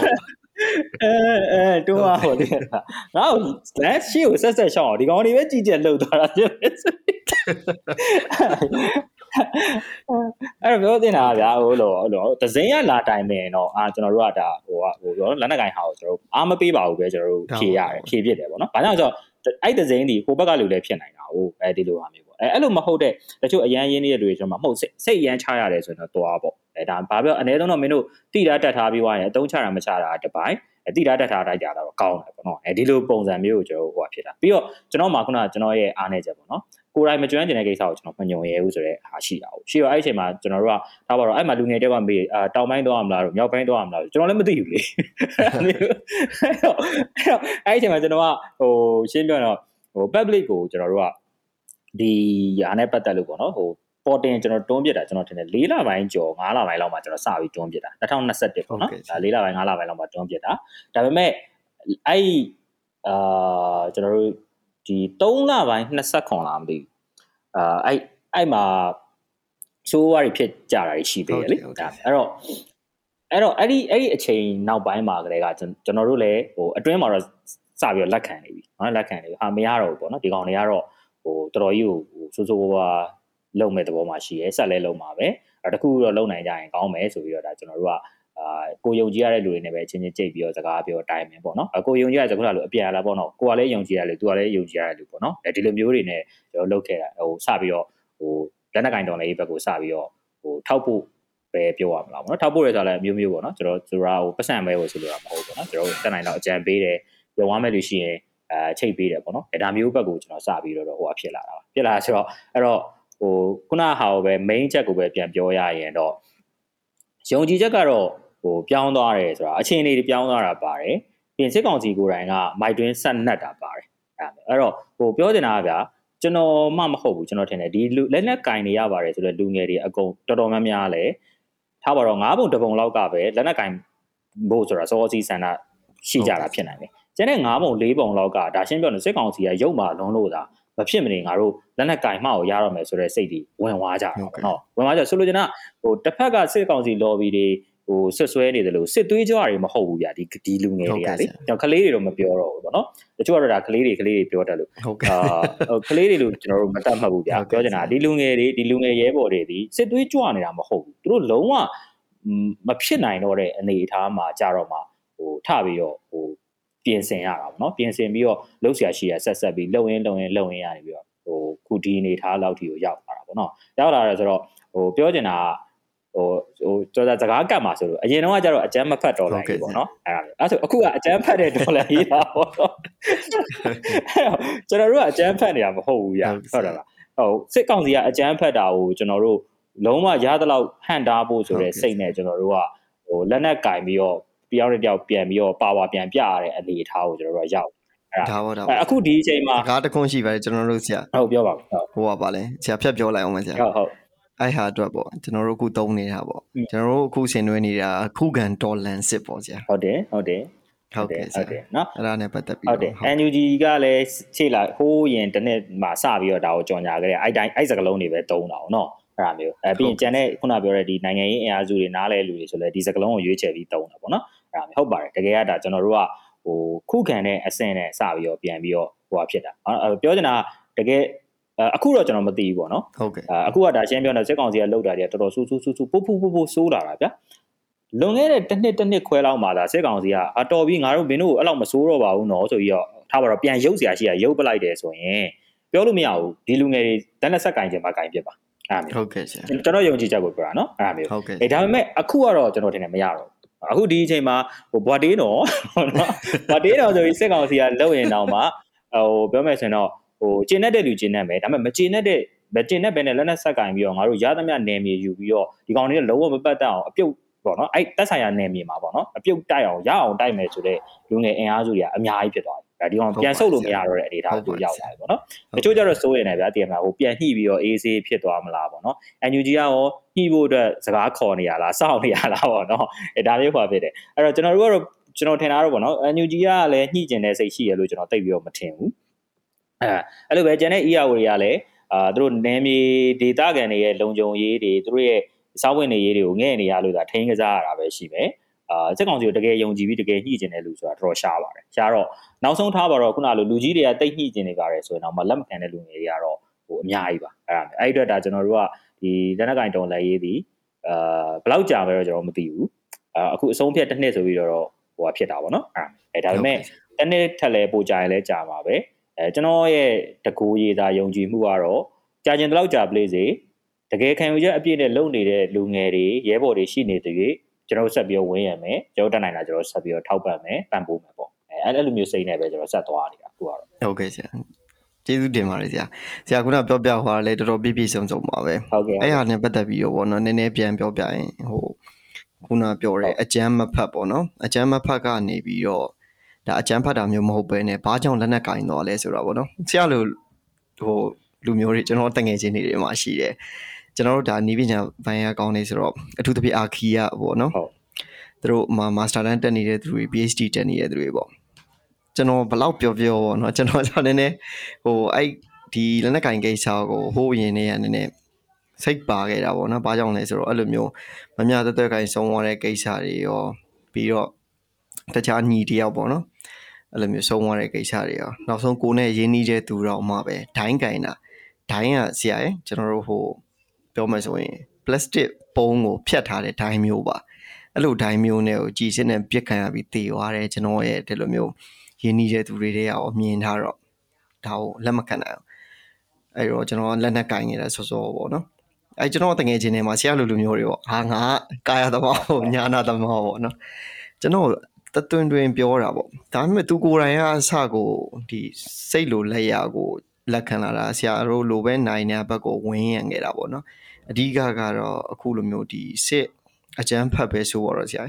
ဒီလိုမင်းအောင်နိုင်ဥဆောင်တဲ့စစ် အဂျမ်ဖတ်အုပ်စုကပဲတော်တော်ဆိုးလွန်းလို့ဒါကျွန်တော်တို့ဒီအခြေအနေကိုဒါမလွဲမသွေရောက်လာတာလို့ပြောရမှာပေါ့နော်ဆရာဟုတ်တယ်ဟုတ်တယ်ဟုတ်ပါတယ်ဟုတ်ကဲ့ဆရာဟုတ်အဲ့တော့ကျွန်တော်တို့လက်ရှိမှာဆိုလို့ရှိရင်ဗျာအခြေအနေကတော်တော်ကောင်းတယ်လို့ပြောလို့ရတယ်2023မှာဆိုရင်သတင်းကောင်းတော်တော်များများလဲကြားရတာပေါ့နော်စီရီအတွက်အဲ့အတွက်လဲကျွန်တော်တို့ဆက်သွားနေတာလုံမန်းနေတာပေါ့အဲ့တော့အခုကျွန်တော်တို့ပညာရေးနဲ့ပတ်သက်ပြီးပြောမယ်ဆိုရင်လက်ရှိမှာ ဒီစစ်ကောင်စီကဖွင့်ထားတဲ့ဒီကျောင်းတွေတက္ကသိုလ်တွေကိုဆက်တက်နေတဲ့လူတွေလည်းရှိတယ်ပြီးတော့ကျွန်တော်တို့ဘက်မှာလည်းဒါ Federal ပညာရေးဆိုပြီးတော့လည်းသွားနေတာရှိတယ်ပေါ့နော်အဲ့တော့အဲ့နှစ်ဖက်ကဘယ်လိုမျိုးဖြစ်သွားနိုင်လဲဆရာပညာရေးပိုင်းဆိုင်ရာမှာဟိုပါပေါ့စစ်ကောင်စီဘက်ကဗျာပွင့်လင်းပြောရအောင်အားတာတာကလောလောဆယ်မှာတို့ကအတိမတ်ပြုတ်ပေးနိုင်ဇွမ်းမှာတို့မှာအားတာတယ်ဒါတော့ကျွန်တော်ညင်လို့မရဘူးဗျာအဲ့ဒါမျိုးအဲ့တော့ဟိုဆိုလိုချင်တာဟိုဒီစစ်ကောင်စီကျောင်းတွေတက္ကသိုလ်တွေတက်ခဲ့တဲ့လူတွေဒီတို့ရတဲ့ လက်မှတ်တွေပွဲလက်မှတ်တွေဒီပြည်တွင်းမှာလည်းပါပဲပြီးတော့ဟိုထောက်ခံတဲ့လူကတော့ဟိုလက်ခံပေးတဲ့လူပေါ့နော်လက်ခံပေးတဲ့လူတွေကတော့ရှိနေတယ်အဲ့လိုပဲပြည်ပမှာလည်းဟိုတချို့လူတွေအရင်အစွန်းရောက်ပြီးပြောလို့ပေါ့နော်မြန်မာနိုင်ငံကပွဲမှန်တွေကဘောင်ဝင်ပါဘူးဆိုတဲ့ဟာကျွန်တော်အမြင်တော့တိတ်တော့100%တော့မမှန်ဘူးဗျအဲ့ဒါမျိုးအတိုင်းအတာတစ်ခုထိတော့ဒါရှင်းပြောရင်တော့ဟိုပြလို့ရတယ်ဟိုပြောမှဆိုရှောက်တဲ့ program တချို့မှာသုံးလို့ရတယ်ဆိုတဲ့ဟာတွေကရှိနေတာပဲသိရမလားဟုတ်ကဲ့ဆရာရှိနေတော့အဲ့ဒီအချိန်မှာသူတို့ဘက်ကအာသာချက်ကအဓိကအဲ့ဒါအဲ့ဒီလက်မှတ်တွေဒီထိုက်တင်တဲ့လောက်တော့ဒါရှင်းပြောရင်တော့ဘောင်ဝင်နေတယ်ပေါ့ အဲဒါပေမဲ့သူတို့ဘက်ကအားနေချက်ကရှင်းတယ်တင် जा ရေး needs တွေကအာလုံးဝဒါ out of date ပေါ့နော်ဟိုပြောမှဆိုတော့ခင်မမီဘူးဟိုနိုင်ငံတကာနဲ့ရေမောင်တန်းနိုင်တဲ့အဆင့်မှာမရှိဘူးဒါအရင်ကလေးကတော့မှပြုပြင်ဖို့လိုနေတဲ့အပိုင်းပေါ့နော်အဲအခုပို့ဆိုတာကဘာလဲဆိုတော့တင်နေတဲ့အဲ့ဒါအဲ့ဒါတွေကိုခုတာခံတာရှိအောင်တင်နေတဲ့ဆရာဆရာမတွေကသူတို့ရဲ့စွမ်းဆောင်ရည်နဲ့ထိန်းရတာအဲအခုကကျွန်တော်အမြင်ကဘာလဲဆိုတော့အဲ့လိုမျိုးထိန်းပြီးတော့တကယ်ရသလောက်ဖောက်ထွက်ပြီးတော့ပိုကောင်းအောင်တင်ပေးခြင်းနဲ့ဆရာဆရာမတွေအကုန်လုံးကလည်းစီရီယံလုပ်လိုက်တာများပြီ အဲကျွန်တော်အမြင်ပြောတာနော်ဟုတ်ကဲ့အဲ့တော့အဲ့ဒီအချိန်မှာသူတို့ဒီတကယ်အရေးသွေးရှိရဲ့ဒီပညာရေးကိုရရနိုင်ခြေကတော်တော်ကြီးကိုနည်းသွားပြီလို့ကျွန်တော်ကမြင်တယ်ပေါ့နော်အဲ့အဲ့တော့လက်မှတ်တွေရမယ်အဲ့လက်မှတ်တွေဒီအတိုင်းအတာတစ်ခုဒီတချို့သူတို့သူတို့ ਨੇ ချိတ်ဆက်ထားတဲ့အာအရာပေါ့နော်အတိုင်းအတာတစ်ခုဒီအတုံးဝင်ကောင်းဝင်လိမ့်မယ်ဒါပေမဲ့သူတို့ရခဲ့တဲ့ပညာဒီပြောမယ်ဆိုရင်တော့တော်တော်ကြီးကိုနည်းသွားနိုင်တယ်အဲ့ဒါတစ်ချက်နောက်တစ်ချက်ကဘာလဲဆိုတော့ဟိုတကယ်လို့များပေါ့နော်အခုကျွန်တော်တို့က နည်းနည်းတော့စောင့်ကြည့်ရမယ်သဘောတော့ရှိတယ်စကားကကုံအောင်မပြောရဘူးပြကျွန်တော်တို့မြန်မာလူမျိုးကလည်းတွေးဘယ်လိုပြောအောင်သူအေးတာမြန်တယ်ပဲပြောရမလားမသိဘူးပေါ့နော်ဟုတ်ကဲ့အဲ့တော့အဲ့တော့တကယ်သားဆိုရင်ဒါရှင်းပြောတော့ဒီကာလအတွင်းမှာဒီလိုလက်မှတ်တွေရတယ်ဟုတ်တယ်မဒီလိုမျိုးဟိုဟာတွေဖြစ်တယ်ဆိုတဲ့လူတွေကိုကျွန်တော်တို့ကဟိုရေးရှည်ကိုရှင်းပြောတော့အတန်းအစားခွဲပြီးဆက်ဆံသင့်တယ်လို့ကျွန်တော်ကယူဆရတယ်ပေါ့နော်ဟုတ်တယ်ဆရာလက်ခံအဲ့တော့ဟုတ်ကဲ့အဲ့တော့အဲ့ဒီအချိန်မှာအဲ့ဒါကိုလူညီညီနဲ့လုပ်ရင်တော့ဒါရှင်းပြောတော့ဟိုကောင်းတာပေါ့နော်ရေရှည်အတွက်ဒါရှင်းပြောတော့ ဒီလူတွေကကျွန်တော်တို့ကအဲ့တော့ရှင်းပြောဒီလူတွေတပူအားလုံးဒါသူတို့နောင်နာရနေပြီတော့ပဲအဲကျွန်တော်အဲ့လိုလည်းဖြစ်စေချင်တယ်ဟုတ်ကဲ့အာအဲ့တော့ဟိုအဲ့လိုကြီးအဲ့လိုကြီးပြောတော့တစ်မျိုးကြီးတော့ဖြစ်တော့ဖြစ်တာပေါ့နော်ဒါပေမဲ့ဟိုတစ်ဖက်ကရင်းနှီးထားတဲ့ဟာတွေနဲ့ကြည်လိုက်ရင်သူတို့အဲ့လိုနောင်လာရတာဘာမှမဟုတ်ဘူးသူတို့အတွက်ကလေအဲသူတို့လည်းတာမယ်ထင်လို့သူတို့လိုင်းအောင်သူတို့ရှောက်ဟုတ်တယ်ဟုတ်တယ်ဆရာအဲ့ပြတ်အဲ့တော့အဲ့ဒီမှာနာစရာရှိရင်သူတို့ပြန်နာပဲပေါ့နော်ကျွန်တော်ကတော့အဲ့လိုပဲတတ်မှတ်တယ် အာပြီးရင်အဲတချို့ပြောလို့ပေါ့နော်အဲ့လိုလူဒန်းသားခွဲကြတာကြီးမကောင်းပါညာဆိုတော့ကျွန်တော်အကျင့်အကြတော့ကျွန်တော်လူဒန်းသားအမြဲတမ်းခွဲကြတဲ့အကျင့်ရှိတယ်ကျွန်တော်ပို့နေတယ်ဆိုတာဟုတ်ကဲ့ဟိုခွဲကြရဲဆိုတာအဓိကရှင်းပြတော့ပတ်စံပေါ်မူတည်ပြီးကျွန်တော်မခွဲကြဘူးဟုတ်အဲကျွန်တော်ဒီထားပါတော့တည့်ယာရူးတွေဂုံတိတ်ခါတွေအဲယာရူးပေါ်မှာမူတည်ပြီးမခွဲကြဘူးပေါ့နော်ကျွန်တော်ခွဲကြတာခုနကပြောတယ်လူအဖွဲ့အစည်းပေါ်မှာသူဘာတွေလုပ်ခဲ့လဲဘလို့ဘလို့လုပ်တဲ့လူလဲပေါ့နော်ဒီပေါ်မှာမူတည်ပြီးကျွန်တော်ကလူရန်သားခွဲကြရတယ်ဗျာအဲ့ဒါမျိုး သူ့ရဲ့လူမျိုးတွေဘာသာတွေကျွန်တော်အဲ့ဒါကြီးဘာမှစိတ်ဝင်စားဘူးအဲ့ဒါနဲ့ကျွန်တော်မခွဲကြဘူးဒါပေမဲ့ကျွန်တော်စိတ်ဝင်စားတာကသူဒီသူနဲ့နီးစပ်ရလူအဖွဲ့အစည်းလူအတိုင်းဝိုင်းအတွက်အဲဘာတွေလုပ်ခဲ့ပေးဘူးလဲဒါကလူတယောက်ရဲ့တန်ဖိုးလို့ကျွန်တော်ယူဆတယ်အဲ့တော့အဲ့လိုတခုခုလုပ်ပေးခဲ့ဘူးတဲ့လူတို့မို့အနစ်နာခံပေးတဲ့လူနဲ့ဘာမှမလုပ်ပေးပဲကိုကိုတယောက်တည်းကောင်းဖို့အတွက်ကြိတ်လုပ်ခဲ့တဲ့လူဟုတ်နော်အဲကိုကျိုးပဲကြည့်ပြီးတော့သူများကိုမငဲ့တဲ့လူပဲကိုကျွန်တော်တန်းစားလည်းမဆက်ဆံနိုင်ဘူးအဲ့တော့ခွဲကြတယ်ပြောလည်းမတတ်နိုင်ဘူးခွဲကြမှာပဲအဲ့တော့အဲ့တော့ အဲ့တော့ဟိုတချို့ကြောက်လည်းရှိရတဲ့မလားဗာလဲမင်းတို့ကဗာဗာလဲအာလူခွင့်ရေးတန်းတူအတွက်ကိုတိုက်နေတာမဟုတ်ဘူးလားတို့ဘာလို့တရားစကနာထိုးကြတာပေါ့နော်အဲ့တော့ဟိုလူတွေလည်းတန်းတူဖြစ်တင်တာပေါ့တို့ဘာလို့ကျွန်တော်ကတော့ဟိုမဟုတ်မဟုတ်အဲ့အဲ့ဒီတန်းတူကိစ္စကိုတပိုင်းသက်သက်ထားကျွန်တော်ကျွန်တော်စကားလုံးရွေးပြီးကျွန်တော်အမြဲတမ်းအင်္ဂလိပ်လိုမှာဆိုရင်တော့စကားလုံးရွေးပြောတာရှိတယ်ဟိုငါတို့ကဟိုပြောမယ်ဆိုရင်တော့ discriminate တော့မလုပ်ဘူးပေါ့နော်ဟိုတီးတန့်ခွဲခြားဆက်ဆံတာမျိုးခွဲထုတ်တာမျိုး discriminate နှိမ်ချလိုက်တာမျိုးအဲ့လိုမျိုးလုပ်တာကိုပြောတာမဟုတ်ဘဲနဲ့အ ਨੇ ဆုံးတော့ကျွန်တော်တို့ကဘာလို့မဆို prefer လုပ်မှာပေါ့နော် preference ပဲပြောရမှာပေါ့နော်ဟုတ်ကဲ့ကိုပိုနှစ်သက်တဲ့လူတွေနဲ့အဲပိုအလုပ်လုပ်မှာပေါ့အဲဟိုကျွန်တော်ကျွန်တော်ဒါတကယ်လို့ထားပါတော့အလုပ်ခန့်မယ်ဆိုရင်ဒီကာလအတွင်းမှာအာဒါပါဒေါ်လာရင်းမှာထဲထဲဝင်ပါပြီး CDN လုပ်ခဲ့တဲ့အကြောင်းသားတွေကိုကျွန်တော်ပို့ပြီးတော့အလုပ်တင်အနေနဲ့ကျွန်တော်ရွေးပြစ်မယ်ပေါ့ အဲအဲဟိုအဲ့တော့အဲ့ချိန်မှာဟိုဟိုကျန်တဲ့ထားတယ်သူကလက်မှတ်ပါရှိရှိညာရှိရှိကျွန်တော်ထည့်ကိုသိပြီးတော့မစင်စားတော့အဲဒါမျိုးပေါ့နော်ဟုတ်ကဲ့ဆရာအဲ့တော့ကျွန်တော်တို့ကအဲ့လိုမျိုးဟိုလုပ်ငန်းရှင်တွေကလည်းညီမယ်လူကလည်းညီမယ်ဆိုရင်တော့ဒါကဟိုရေရှည်အတွက်ကတော့ဟိုကောင်းတာပေါ့နော်ဒါပေမဲ့ကျွန်တော်ခုနပြောလို့ကျွန်တော်နည်းနည်းစကားကိုကောင်းမပြောရဲတာကအခုဆိုရင်ဗျာတစ်ခါကြရင် boycott social punishment လုပ်တဲ့ celebrity တွေကအစတချို့တွေကပြန်ပြီးကဖားရဖားတွေပြန်လုပ်နေကြတာတွေပါတွေကရှိတာ哦ဟုတ်ကဲ့ဆကျရာတော့အဲ့ချိန်မှာကျွန်တော်တို့ကဘယ်လောက်ထိတကယ်တကယ်တမ်း ရေရှည်တောင်းခံနိုင်မလဲဆိုတာကျွန်တော်တို့မသိဘူးပေါ့နော်မသိတော့အဲကျွန်တော် personal ရတော့ရှင်းတယ်ကျွန်တော်ကတော့ဒီလိုမျိုးပဲဆက်ဆံပါပဲအဲအဲ့တော့အဲ့ချိန်မှာကျွန်တော်လိုပဲဆက်ဆံမဲ့လူတွေလုပ်ငန်းရှင်တွေလည်းအများကြီးရှိမယ်လို့ကျွန်တော်ထင်တယ်အဲ့တော့အဲ့ဒါရင်းနဲ့ပတ်သက်ရင်တော့သူတို့မှာအကန့်အသတ်တစ်ခုရှိနေပါပေါ့အဲ့တော့အဲ့လိုပဲဟိုဘက်ကျွန်တော်ဒီဘက်ကိုပြန်ကြည့်မယ်ပေါ့နော် NUG ပညာရေးသို့မဟုတ်လည်း NUG မဟုတ်ရင်တော့မှစစ်ကောင်စီမဟုတ်စစ်ကောင်စီလက်အောက်ခံမဟုတ်ဘဲနဲ့အာလဲပတ်နေတဲ့တိုင်းရင်းသားလူမျိုးစုတွေရဲ့ပညာရေးစနစ်တွေအာပြီးသွားရင်ကျွန်တော်တို့တခြားသော အာဒီဝေဥတော်လိုင်းမှာပေါ်လာတဲ့ပညာရေးအဖွဲ့အစည်းတွေပေါ့နော်အဲအဲ့ဒီအဖွဲ့အစည်းတွေရဲ့အားနည်းချက်ကတော့ခုနပြောတဲ့ certificate တွေဘာတွေကသူတို့ကဟို diploma တွေသူတို့ကအတိမတ်ပြုဖို့အတိမတ်ပြုနိုင်စွမ်းကိုသူတို့အားနည်းသေးတယ်ဟုတ်ကဲ့ဆရာအဲ့ဒါ NGG ကိုယ်တိုင်ကအားနေသေးတယ်ဗျာအဲ့ဒါအဲ့ဒါသူတို့ရှင်းပြောတော့ဒါကိုသူတို့ဘောင်ဝင်အောင်မလုပ်နိုင်သေးဘူးအဲ့ဒါကိုဘောင်ဝင်အောင်လုပ်နိုင်ဖို့လဲတစ်ဖက်မှာသူတို့ဆက်ပြီးတော့စူးစမ်းနေတယ်ဆိုတာလဲကျွန်တော်တို့ကြားတယ်ဘောင်ဝင်အောင်လုပ်တယ်ဆိုတာနှစ်ပိုင်းပေါ့နော် တစ်ပိုင်းကကိုကိုယ်တိုင်ကဘောင်ဝင်လာအောင်လုပ်တာနော်တန်းဝင်လာဥပမာ NGG ကိုတချို့နိုင်ငံတွေကတကယ် government အနေနဲ့အတိအမှတ်ပြုလိုက်မယ်ဥပမာတန်ယုံတွေဘာတွေအစားဖွင့်ခွင့်ရမယ်ဒါဒါလုံးဝတကယ်တရားဝင်မှတန်ယုံကဖွင့်လို့ရတယ်ဟုတ်ကဲ့ဆရာဟုတ်ဆိုတော့အဲ့စင်တွေရောက်လာမယ်ဒါဆိုရင်သူဒီတကယ်အစိုးရတရက်လို့သဘောထားဆက်ဆံခံရပြီးတော့တကယ်အစိုးရကနေပြီးထုတ်ပေးတဲ့တကယ်ပညာရေးတကယ်ကျောင်းတွေကနေထုတ်ပေးတဲ့လက်မှတ်တွေမို့လို့အဲဒီဟာတွေကလုံးဝတန်းဝင်သွားမယ်အဲဒါကတလိုင်းသွားတာနောက်တစ်လိုင်းကျတော့ကျွန်တော်တို့ကကိုယ်တိုင်ကဘောင်ဝင်မယ်မဲ့ဘောင်ဝင်တဲ့ဂျားကန်အဖွဲ့အစည်းတွေနဲ့ချိတ်ဆက်ပြီးတော့ဘောင်ဝင်အောင်လုပ်လိုက်တာမျိုးဟုတ် နော်ဥမာအဖြစ်ဆိုပါလို့အာထားပါတော့ဒီ Federal School တချို့မှာအခုဆိုရင်အဲနီးစပ်အောင်ပြောရရင် GED လို့ program မျိုးဟုတ်ကဲ့ဆရာကျွန်တော်တို့ရိုးရိုးပညာရေးပေါ့နော်ကျွန်တော်တို့ဒီ10တန်း12တန်းအထိသင်တဲ့ပညာရေးသက်သက်ဒီအစိုးရပညာရေးအဲပေါ့နော်အဲ့တင်ကြားရေးဟိုတင်ရိုးတွေမကပဲね GED တင်ရိုးတွေပါတင်တယ်တင်ပြီးတော့အဲ့အချိန်မှာ GED ကိုဖြည့်နိုင်အောင်လို့သူကဂျားကန်ချိတ်ဆက်ပြီးတော့လုပ်ပေးလိုက်လုပ်ပေးရတော့အဲ့အချိန်မှာရှင်းပြောရင်တော့အဲ့တော့အဲ့ကျောင်းဒီ NUG အတိမတ်ပြုတာလည်းရှိတယ်ခါကျ NUG အတိမတ်မပြုထားတာလည်းရှိတယ်ပေါ့နော်အဲ ဘလို့ပဲဖြစ်ဖြစ်တေးကြတစ်ခုကပါဆိုသူတို့တင်ပေးလိုက်တဲ့ဟာလေးအဲတေးကြတယ်ခုန GED ကိုဝင်ဖြည့်လိုက်လို့ GED အောင်သွားရင်တော့နိုင်ငံကအတိမတ်ပြုကိုပြုရမှာပဲဘာလို့ဒါသူကရှင်းပြောတော့ NUG ဘိုင်းနဲ့မဆိုင်ဘူး GD ဖို့လို့သူတို့ပြောတာအဲ့ဒါအဲ့တော့ကျွန်တော်ကျွန်တော်အမြင်ကတော့ရှင်းပြောတော့ဒီဘက်မှာအဲ့လိုမျိုးရအောင်ပေါ့နော်ဒီခုနပြောတဲ့အတိမတ်ပြမှုပိုင်းကိုအဲ့လိုဖောက်ထွက်မယ်ဆိုအဲ့လိုရအောင်ဖောက်ထွက်နေကြတာရှိတယ်အဲ့တော့ဥပမာအဲ့လိုဒါကဒါဖြစ်မှဆို GD တို့ဘာလို့ဒီအထက်တန်းအဆင့်အထိတက်ကတူပိုင်းအထက်တန်းအဆင့်အထိကျောင်းသားတွေပိုင်းပေါ့နော် အထက်တန်းကျော်သွားတဲ့အခါမှာဒါပါတော့တက်ကတူကျောင်းသားတွေအတွက်ပါညာအဲ့အဲ့ဒါတွေအတွက်ဆိုရင်လည်းအာဘေဦးတက္ကသိုလ်တို့ဘာလို့ရှိရပေါ့နော် Spring University တို့ဘာလို့ရှိရဟုတ်ကဲ့ဆရာအဲသူတို့ဆိုရင်ဒါသူတို့တချို့သောတက္ကသိုလ်တွေနဲ့သူတို့ကခုနလိုဆန်ဆန်ချိတ်ဆက်ဖို့သူတို့တက်နိုင်လောက်ကြိုးစားတယ်ဆိုလိုချင်တာကဟိုသူတို့ကျောင်းကပေးလိုက်တဲ့လက်မှတ်ကိုတော့လက်မှတ်ကတော့ဘောင်ဝင်ချင်မှဝင်အောင်ပဲဒါပေမဲ့သူတို့ကျောင်းနဲ့တခြားကျောင်းတစ်ခုနဲ့ပါနာတွဲလုပ်လိုက်တယ်အဲ့ဒီကျောင်းကရှင်းပြောတော့အတိအမှတ်ပြုခံထားရပြီးသားအဖွဲ့အစည်းတစ်ခုဖြစ်နေတယ်ပေါ့အဲဖြစ်တော့အဲ့ဒီအချိန်မှာသူတို့စီမှာတွဲပြီးတက်လိုက်တာနဲ့ အလိုလိုနေဟိုဘက်ကလည်းအတိအမှတ်ပြုပြီးသားဖြစ်သွားမယ်အဲဒီလိုပုံစံမျိုးတွေလုပ်နေရလဲရှိတယ်ဒါပေမဲ့ဟိုသူတို့ကလည်းရှင်းပြောတော့အစိုးရအဖွဲ့အစည်းတရက်မဟုတ်ဘဲနဲ့အပြင်ကနေလုပ်ပေးရတဲ့လူတွေဖြစ်တာရယ်အဲပြီးရင်အဲ့ဒီအရင်နဲ့ပတ်သက်ရင်အတန်ထွက်ရင်ထွက်တော့ပြလိုက်ပြီးကြစ်ခံရတာတွေကအနည်းနဲ့များရှိတတ်တော့အဲကျွန်တော်ထင်တာကတော့သူတို့ကလည်းအာပြောမှဆိုတချို့ကိစ္စဆိုကြီးညာလိုက်ပြီးတော့မှ ပြန်ရက်ပလိုက်တာတို့မတိမတိကြအောင်ဆောင်ပြီးမျောထားလိုက်တာတို့ဒါမျိုးလေးတွေသူတို့ကိုယ်တိုင်ဆက်ကစားရတာပေါ့နော်တကယ်ဆိုတော့တချို့တက္ကသိုလ်တွေကတော့မှအတိမတ်ပြုတော့မယ်ဆိုတဲ့တည်င်းရသူတို့ကိုယ်တိုင်တော့တင်လိုက်ပြီးသွားပြီအဲ့ဒါပဲဒါပေမဲ့ဟုတ်ကဲ့ဆနရာည်းပြန်လျှော်လိုက်ရတာတွေပါရှိတယ်အဲ့တော့ပြောချင်တာကဘာလဲဆိုတော့ဟိုတစ်ဖက်မှာတော့ခုနလိုပေါ့နော်ဆရာတွေကလည်းစိတ်တဲ့အပြေးအဝနဲ့တင်ယူတင်ပေးနေတယ်စနစ်တွေကလည်းကောင်းတယ်ဒါပေမဲ့အားနည်းချက်ဖြစ်တဲ့ခုနကအတိမတ်ပြုမှုပိုင်းကိုရအောင်တက်နိုင်လောက်ဖောက်ထွက်ဖို့ကြိုးစားနေကြတယ်အဲကျွန်တော်လူငယ်နဲ့တွေ့တိုင်းကျွန်တော်အကြံပေးပြတာကဘာလဲဆိုတော့ တီးကြတာကမင်းတို့တစ်သက်လုံးလိပ်ပြတန်ဟုတ်ပါနော်မင်းတို့အားနည်းချက်ကလက်မှတ်မရဘူးလက်လက်မှတ်ဒီအတိမတ်ပြုမခံရဘူးဒါပေမဲ့တစ်သက်လုံးလိပ်ပြတန်တယ်တကယ်လို့များပေါ့နော်အချိန်ဒီထက်ပိုကောင်းလာလို့လက်မှတ်ဒီအတိမတ်ပြုခံသွားရရင်ဒါ bonus လို့အတွက်ဒါပေမဲ့လုံးဝမရဘူးဆိုရင်တော့မှမင်းတွေးရမှာပါလဲဆိုတော့မင်းဘဝမှာမင်းလုံးမဲ့အာအတန်ဝေဝမ်းကြောင်းကတေချာပေါက်ခုနလက်မှတ်တွေဒီပလိုမာတွေရှိမှလုပ်လို့ရမယ်ဟာမျိုးလားမရှိဘဲတော့လုပ်လို့ရတဲ့ဟာဘာပါလဲပေါ့အဲဟုတ်နော်အဲအဲ့ဒီမျိုးပါရင်မင်းအဲ့ဒါကိုထိတ်ပူနေတယ်အဓိကပညာတတ်ဖို့လို့ ဟောနော်အဆက်တွေတွေရဖို့လို့အဲကိုယ်နဲ့အတူအာပြောမယ်ဆိုရင်တော့တကယ်စူးစမ်းရုံးကန်မယ်ကိုယ့်ပုံမှာစေနာထားမဲ့ဆရာကောင်းသမားကောင်းတွေနဲ့တွေ့အောင်စူးစမ်းအဲအဲ့ဒီဘက်ကိုကျွန်တော်တို့ကဟိုဇောင်းပေးပြီးတော့ပြောလို့ရှိရပါတော့။အဲပြီးသွားတော့မှခုနကပြောတဲ့နိုင်ငံတကာပညာရေးကိုဆက်ပြီးတော့အလုံးနဲ့တွဲပြီးတော့ဆက်ပြီးချိတ်ဆက်နိုင်ဖို့ကြိုးစားပေါ့။အဲကျွန်တော်ကျွန်တော်တို့ခုဆိုဒါကြီးကျယ်ပြောရတော့မဟုတ်ဗျာ။ဒီ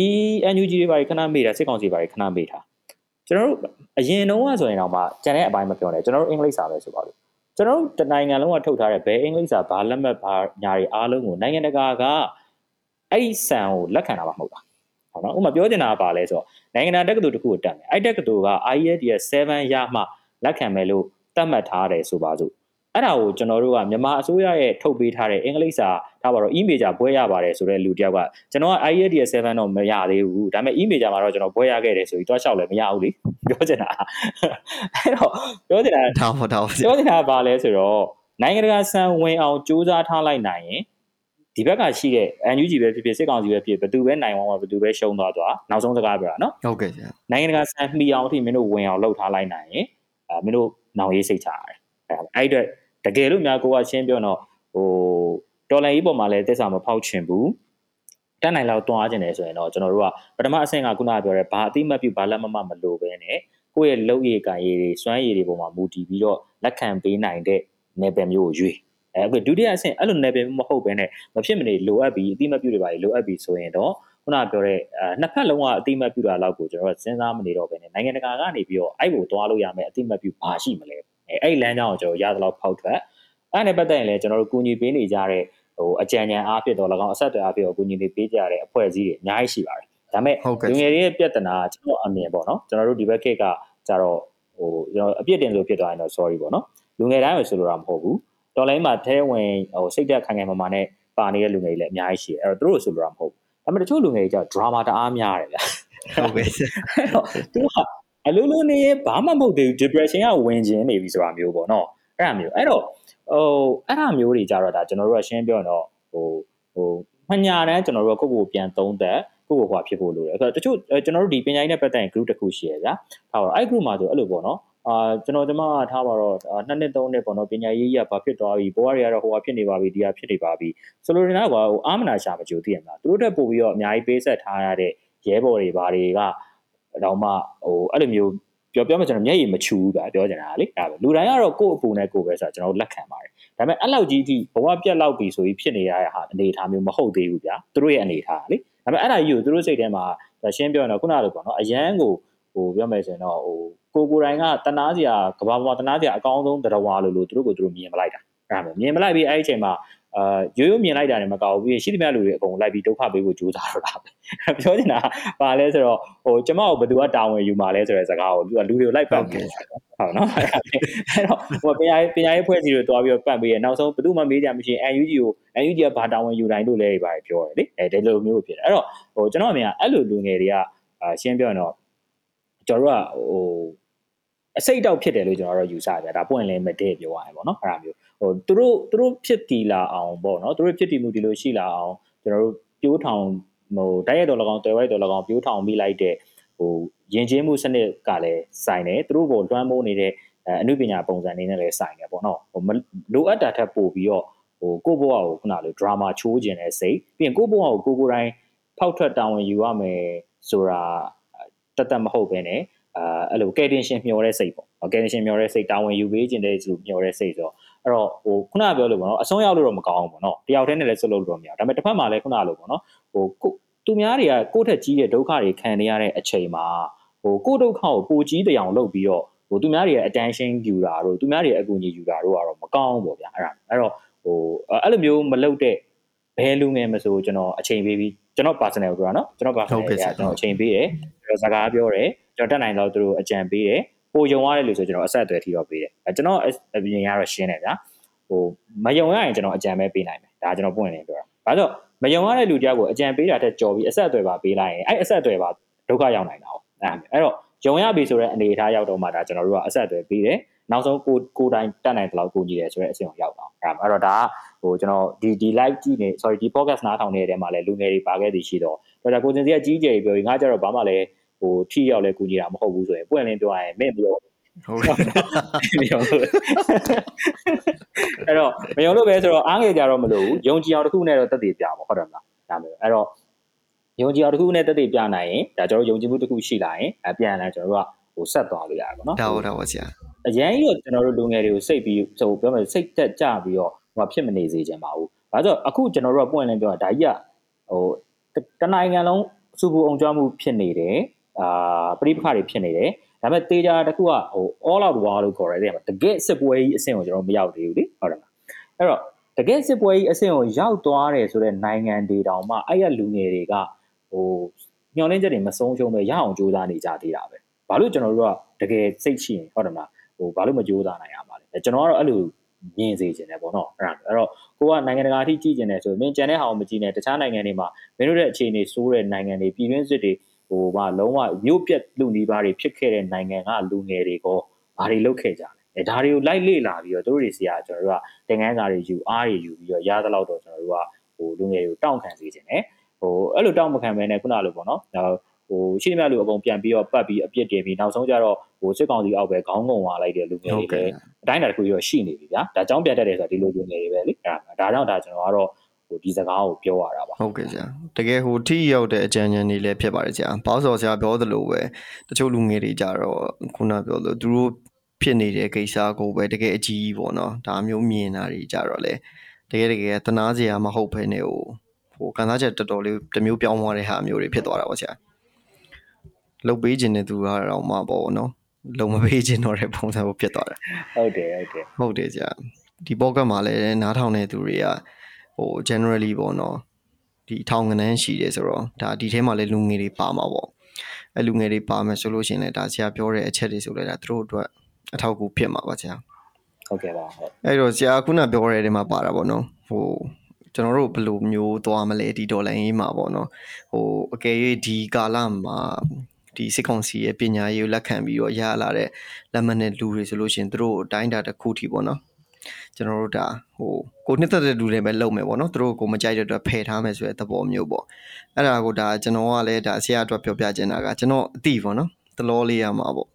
ကျွန်တော်ရဲ့သက်ဆိုင်ရာအတိတွေမှာဆရာလိုလူမျိုးလည်းအများကြီးရှိပါတယ်သူတို့ဆိုကျွန်တော်ပုံမှန်လင်းလင်းကိုပြောတာအဒီလိုဒီကြောင်းပေါ့ကျောင်းတက်နေတဲ့ကျောင်းဝတ်စုံဆိုရင်ပေါ့နော်ခါတိုင်းဆိုရင်ဒါမြင်အေးချမ်းတာပေါ့အခုဆိုတဲ့ခေါ်ခေါ်ပြီးနဗန်ကြီးပဲရိုက်ချင်တာကျွန်တော်အဲ့လိုပြောတာပေါ့နော် ခေါ်ခေါ်ပြီးနဗန်ကြီးပဲရိုက်ချင်ဒီလိုလူမျိုးတွေလည်းအများကြီးပဲဆရာအချို့ကြတော့လေဟိုဘယ်လိုပြောသူတို့အခြေအနေရပေါ့နော်ကာဗာလုပ်ပြီးနေရတာမယ်ဒါမဲ့တကယ်တကယ်မှလည်းဟိုအတိုင်းတာတစ်ခုဒီတဲဝင်းဝင်းလုံနေကြတဲ့သူတွေလည်းရှိပြောမှကျွန်တော်နေပယ်တိုင်းမှာတော့ဖဲသီးကတော့ရှိတာပေါ့ဗျာသိရမှာဟုတ်ကဲ့ဒါပေမဲ့ဖဲသီးတွေဆိုလဲသူ့ဆက်သွယ်တက်ဆိုင်ရာလမ်းကြောင်းအရာတော့အချိန်တန်တော့သူကသူ တချင်းပြန်ပြီး recommend ပြန်ပေးပါညာဒီလိုပဲသွားကြမှာပါဟုတ်တယ်အဲ့ဒါအဲ့ဒါတော့အရင်တော့ပူကြမလို့ပါဘူးဟုတ်ကဲ့ခုကျွန်တော်တို့နားကျင်တော့ဒါကျွန်တော်တို့ edit english ဆရာစင်ဒီလွင်ရဲ့ဒါသူကိုယ်တိုင်ဖြတ်တန်းခဲ့တဲ့အကြောင်းတွေပြီးຫນွေဦးတော်လန်ရေးနဲ့ပတ်သက်တဲ့ထင်မြင်သုံးသပ်ချက်တွေကိုပဲဖြစ်ပါတယ်အဲ့တော့သူကိုယ်တိုင်ကြုံတွေ့ရတဲ့အခြေအနေတွေကိုကျွန်တော်တို့ကိုပြန်ပြောင်းပြောပြထားတာဖြစ်လို့တကယ်လည်းလက်တွေ့ကြသလို ထိရောက်တဲ့အကြောင်းအရာတွေလည်းဖြစ်ပါတယ်လက်ရှိမှာနားဆင်နေတဲ့သူတွေပြည်သူတွေအတွက်ကောတကယ်လက်ခံလို့ရမယ်ဒါထည့်သွင်းစဉ်းစားရမယ်အချက်ပေါင်းများစွာလည်းသူသုံးသပ်ပြသွားတာပါအဲ့တော့လာမယ့်အပတ်မှာကျွန်တော်တို့ဒီ episode ကျင်း9ကောက်သူနဲ့ကျဲကျွေးနိုင်ငံပေါ့နော်ကျွန်တော်ဒုတိယပိုင်းကိုဆက်လက်ပြီးတော့စောင့်မျှော်နားဆင်ပေးဖို့လဲဒါကျွန်တော်တိုက်တွန်းလိုက်ပါရခင်ဗျာကျွန်တော်တို့ရဲ့ဒီဒေါ်လာချင်းများနဲ့ကစ်တဲ့မြန်မာပြည်ပေါ့ကတ်ကိုကျွန်တော်တို့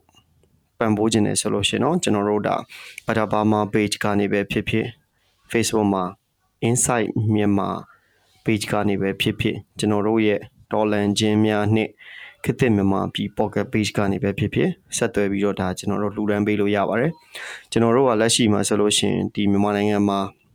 လိုအပ်နေတဲ့အဓိကလူသားချင်းစာနာမှုအကူအညီတွေကိုလည်းဒါအတက်နိုင်ဆုံးပေးနေပါတယ်ပြီးရင်ကျွန်တော်တို့ဒီစစ်အကြမ်းဖက်အုပ်စုတွေကြောင့် မိသင်ခဲ့ရတဲ့ရွာအချို့တဝက်ကိုစကိုင်းဘက်ကရွာအချို့တဝက်အတွက်ယာယီအိမ်တွေပြန်ဆောက်ပေးတာတွေပြီးရင်ကျွန်တော်တို့ဒါဆုံကုန်းလုံးဝခဲနေတဲ့ဒီလာရှင်ကျောင်းတွေဘုံကျောင်းတွေကိုလည်းဒါကျွန်တော်တို့လူရန်ပေးနေပါတယ်တခြားခက်ခဲနေတဲ့သူတွေကိုလည်းနိုင်တဲ့ဘက်ကနေပြီးတော့တစ်ဖက်တလန်လှူဒန်းပေးနေတာဖြစ်တဲ့အတွက်ယုံကြည်ကြည်နဲ့ဆက်သွယ်လှူဒန်းနိုင်တယ်လို့လည်းသတင်းကောင်းပါရင်နဲ့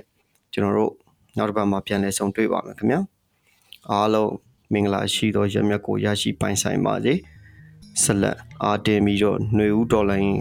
အောင်မြင်သည့်အထိပါဝင်နိုင်ကြပါစေခင်ဗျာ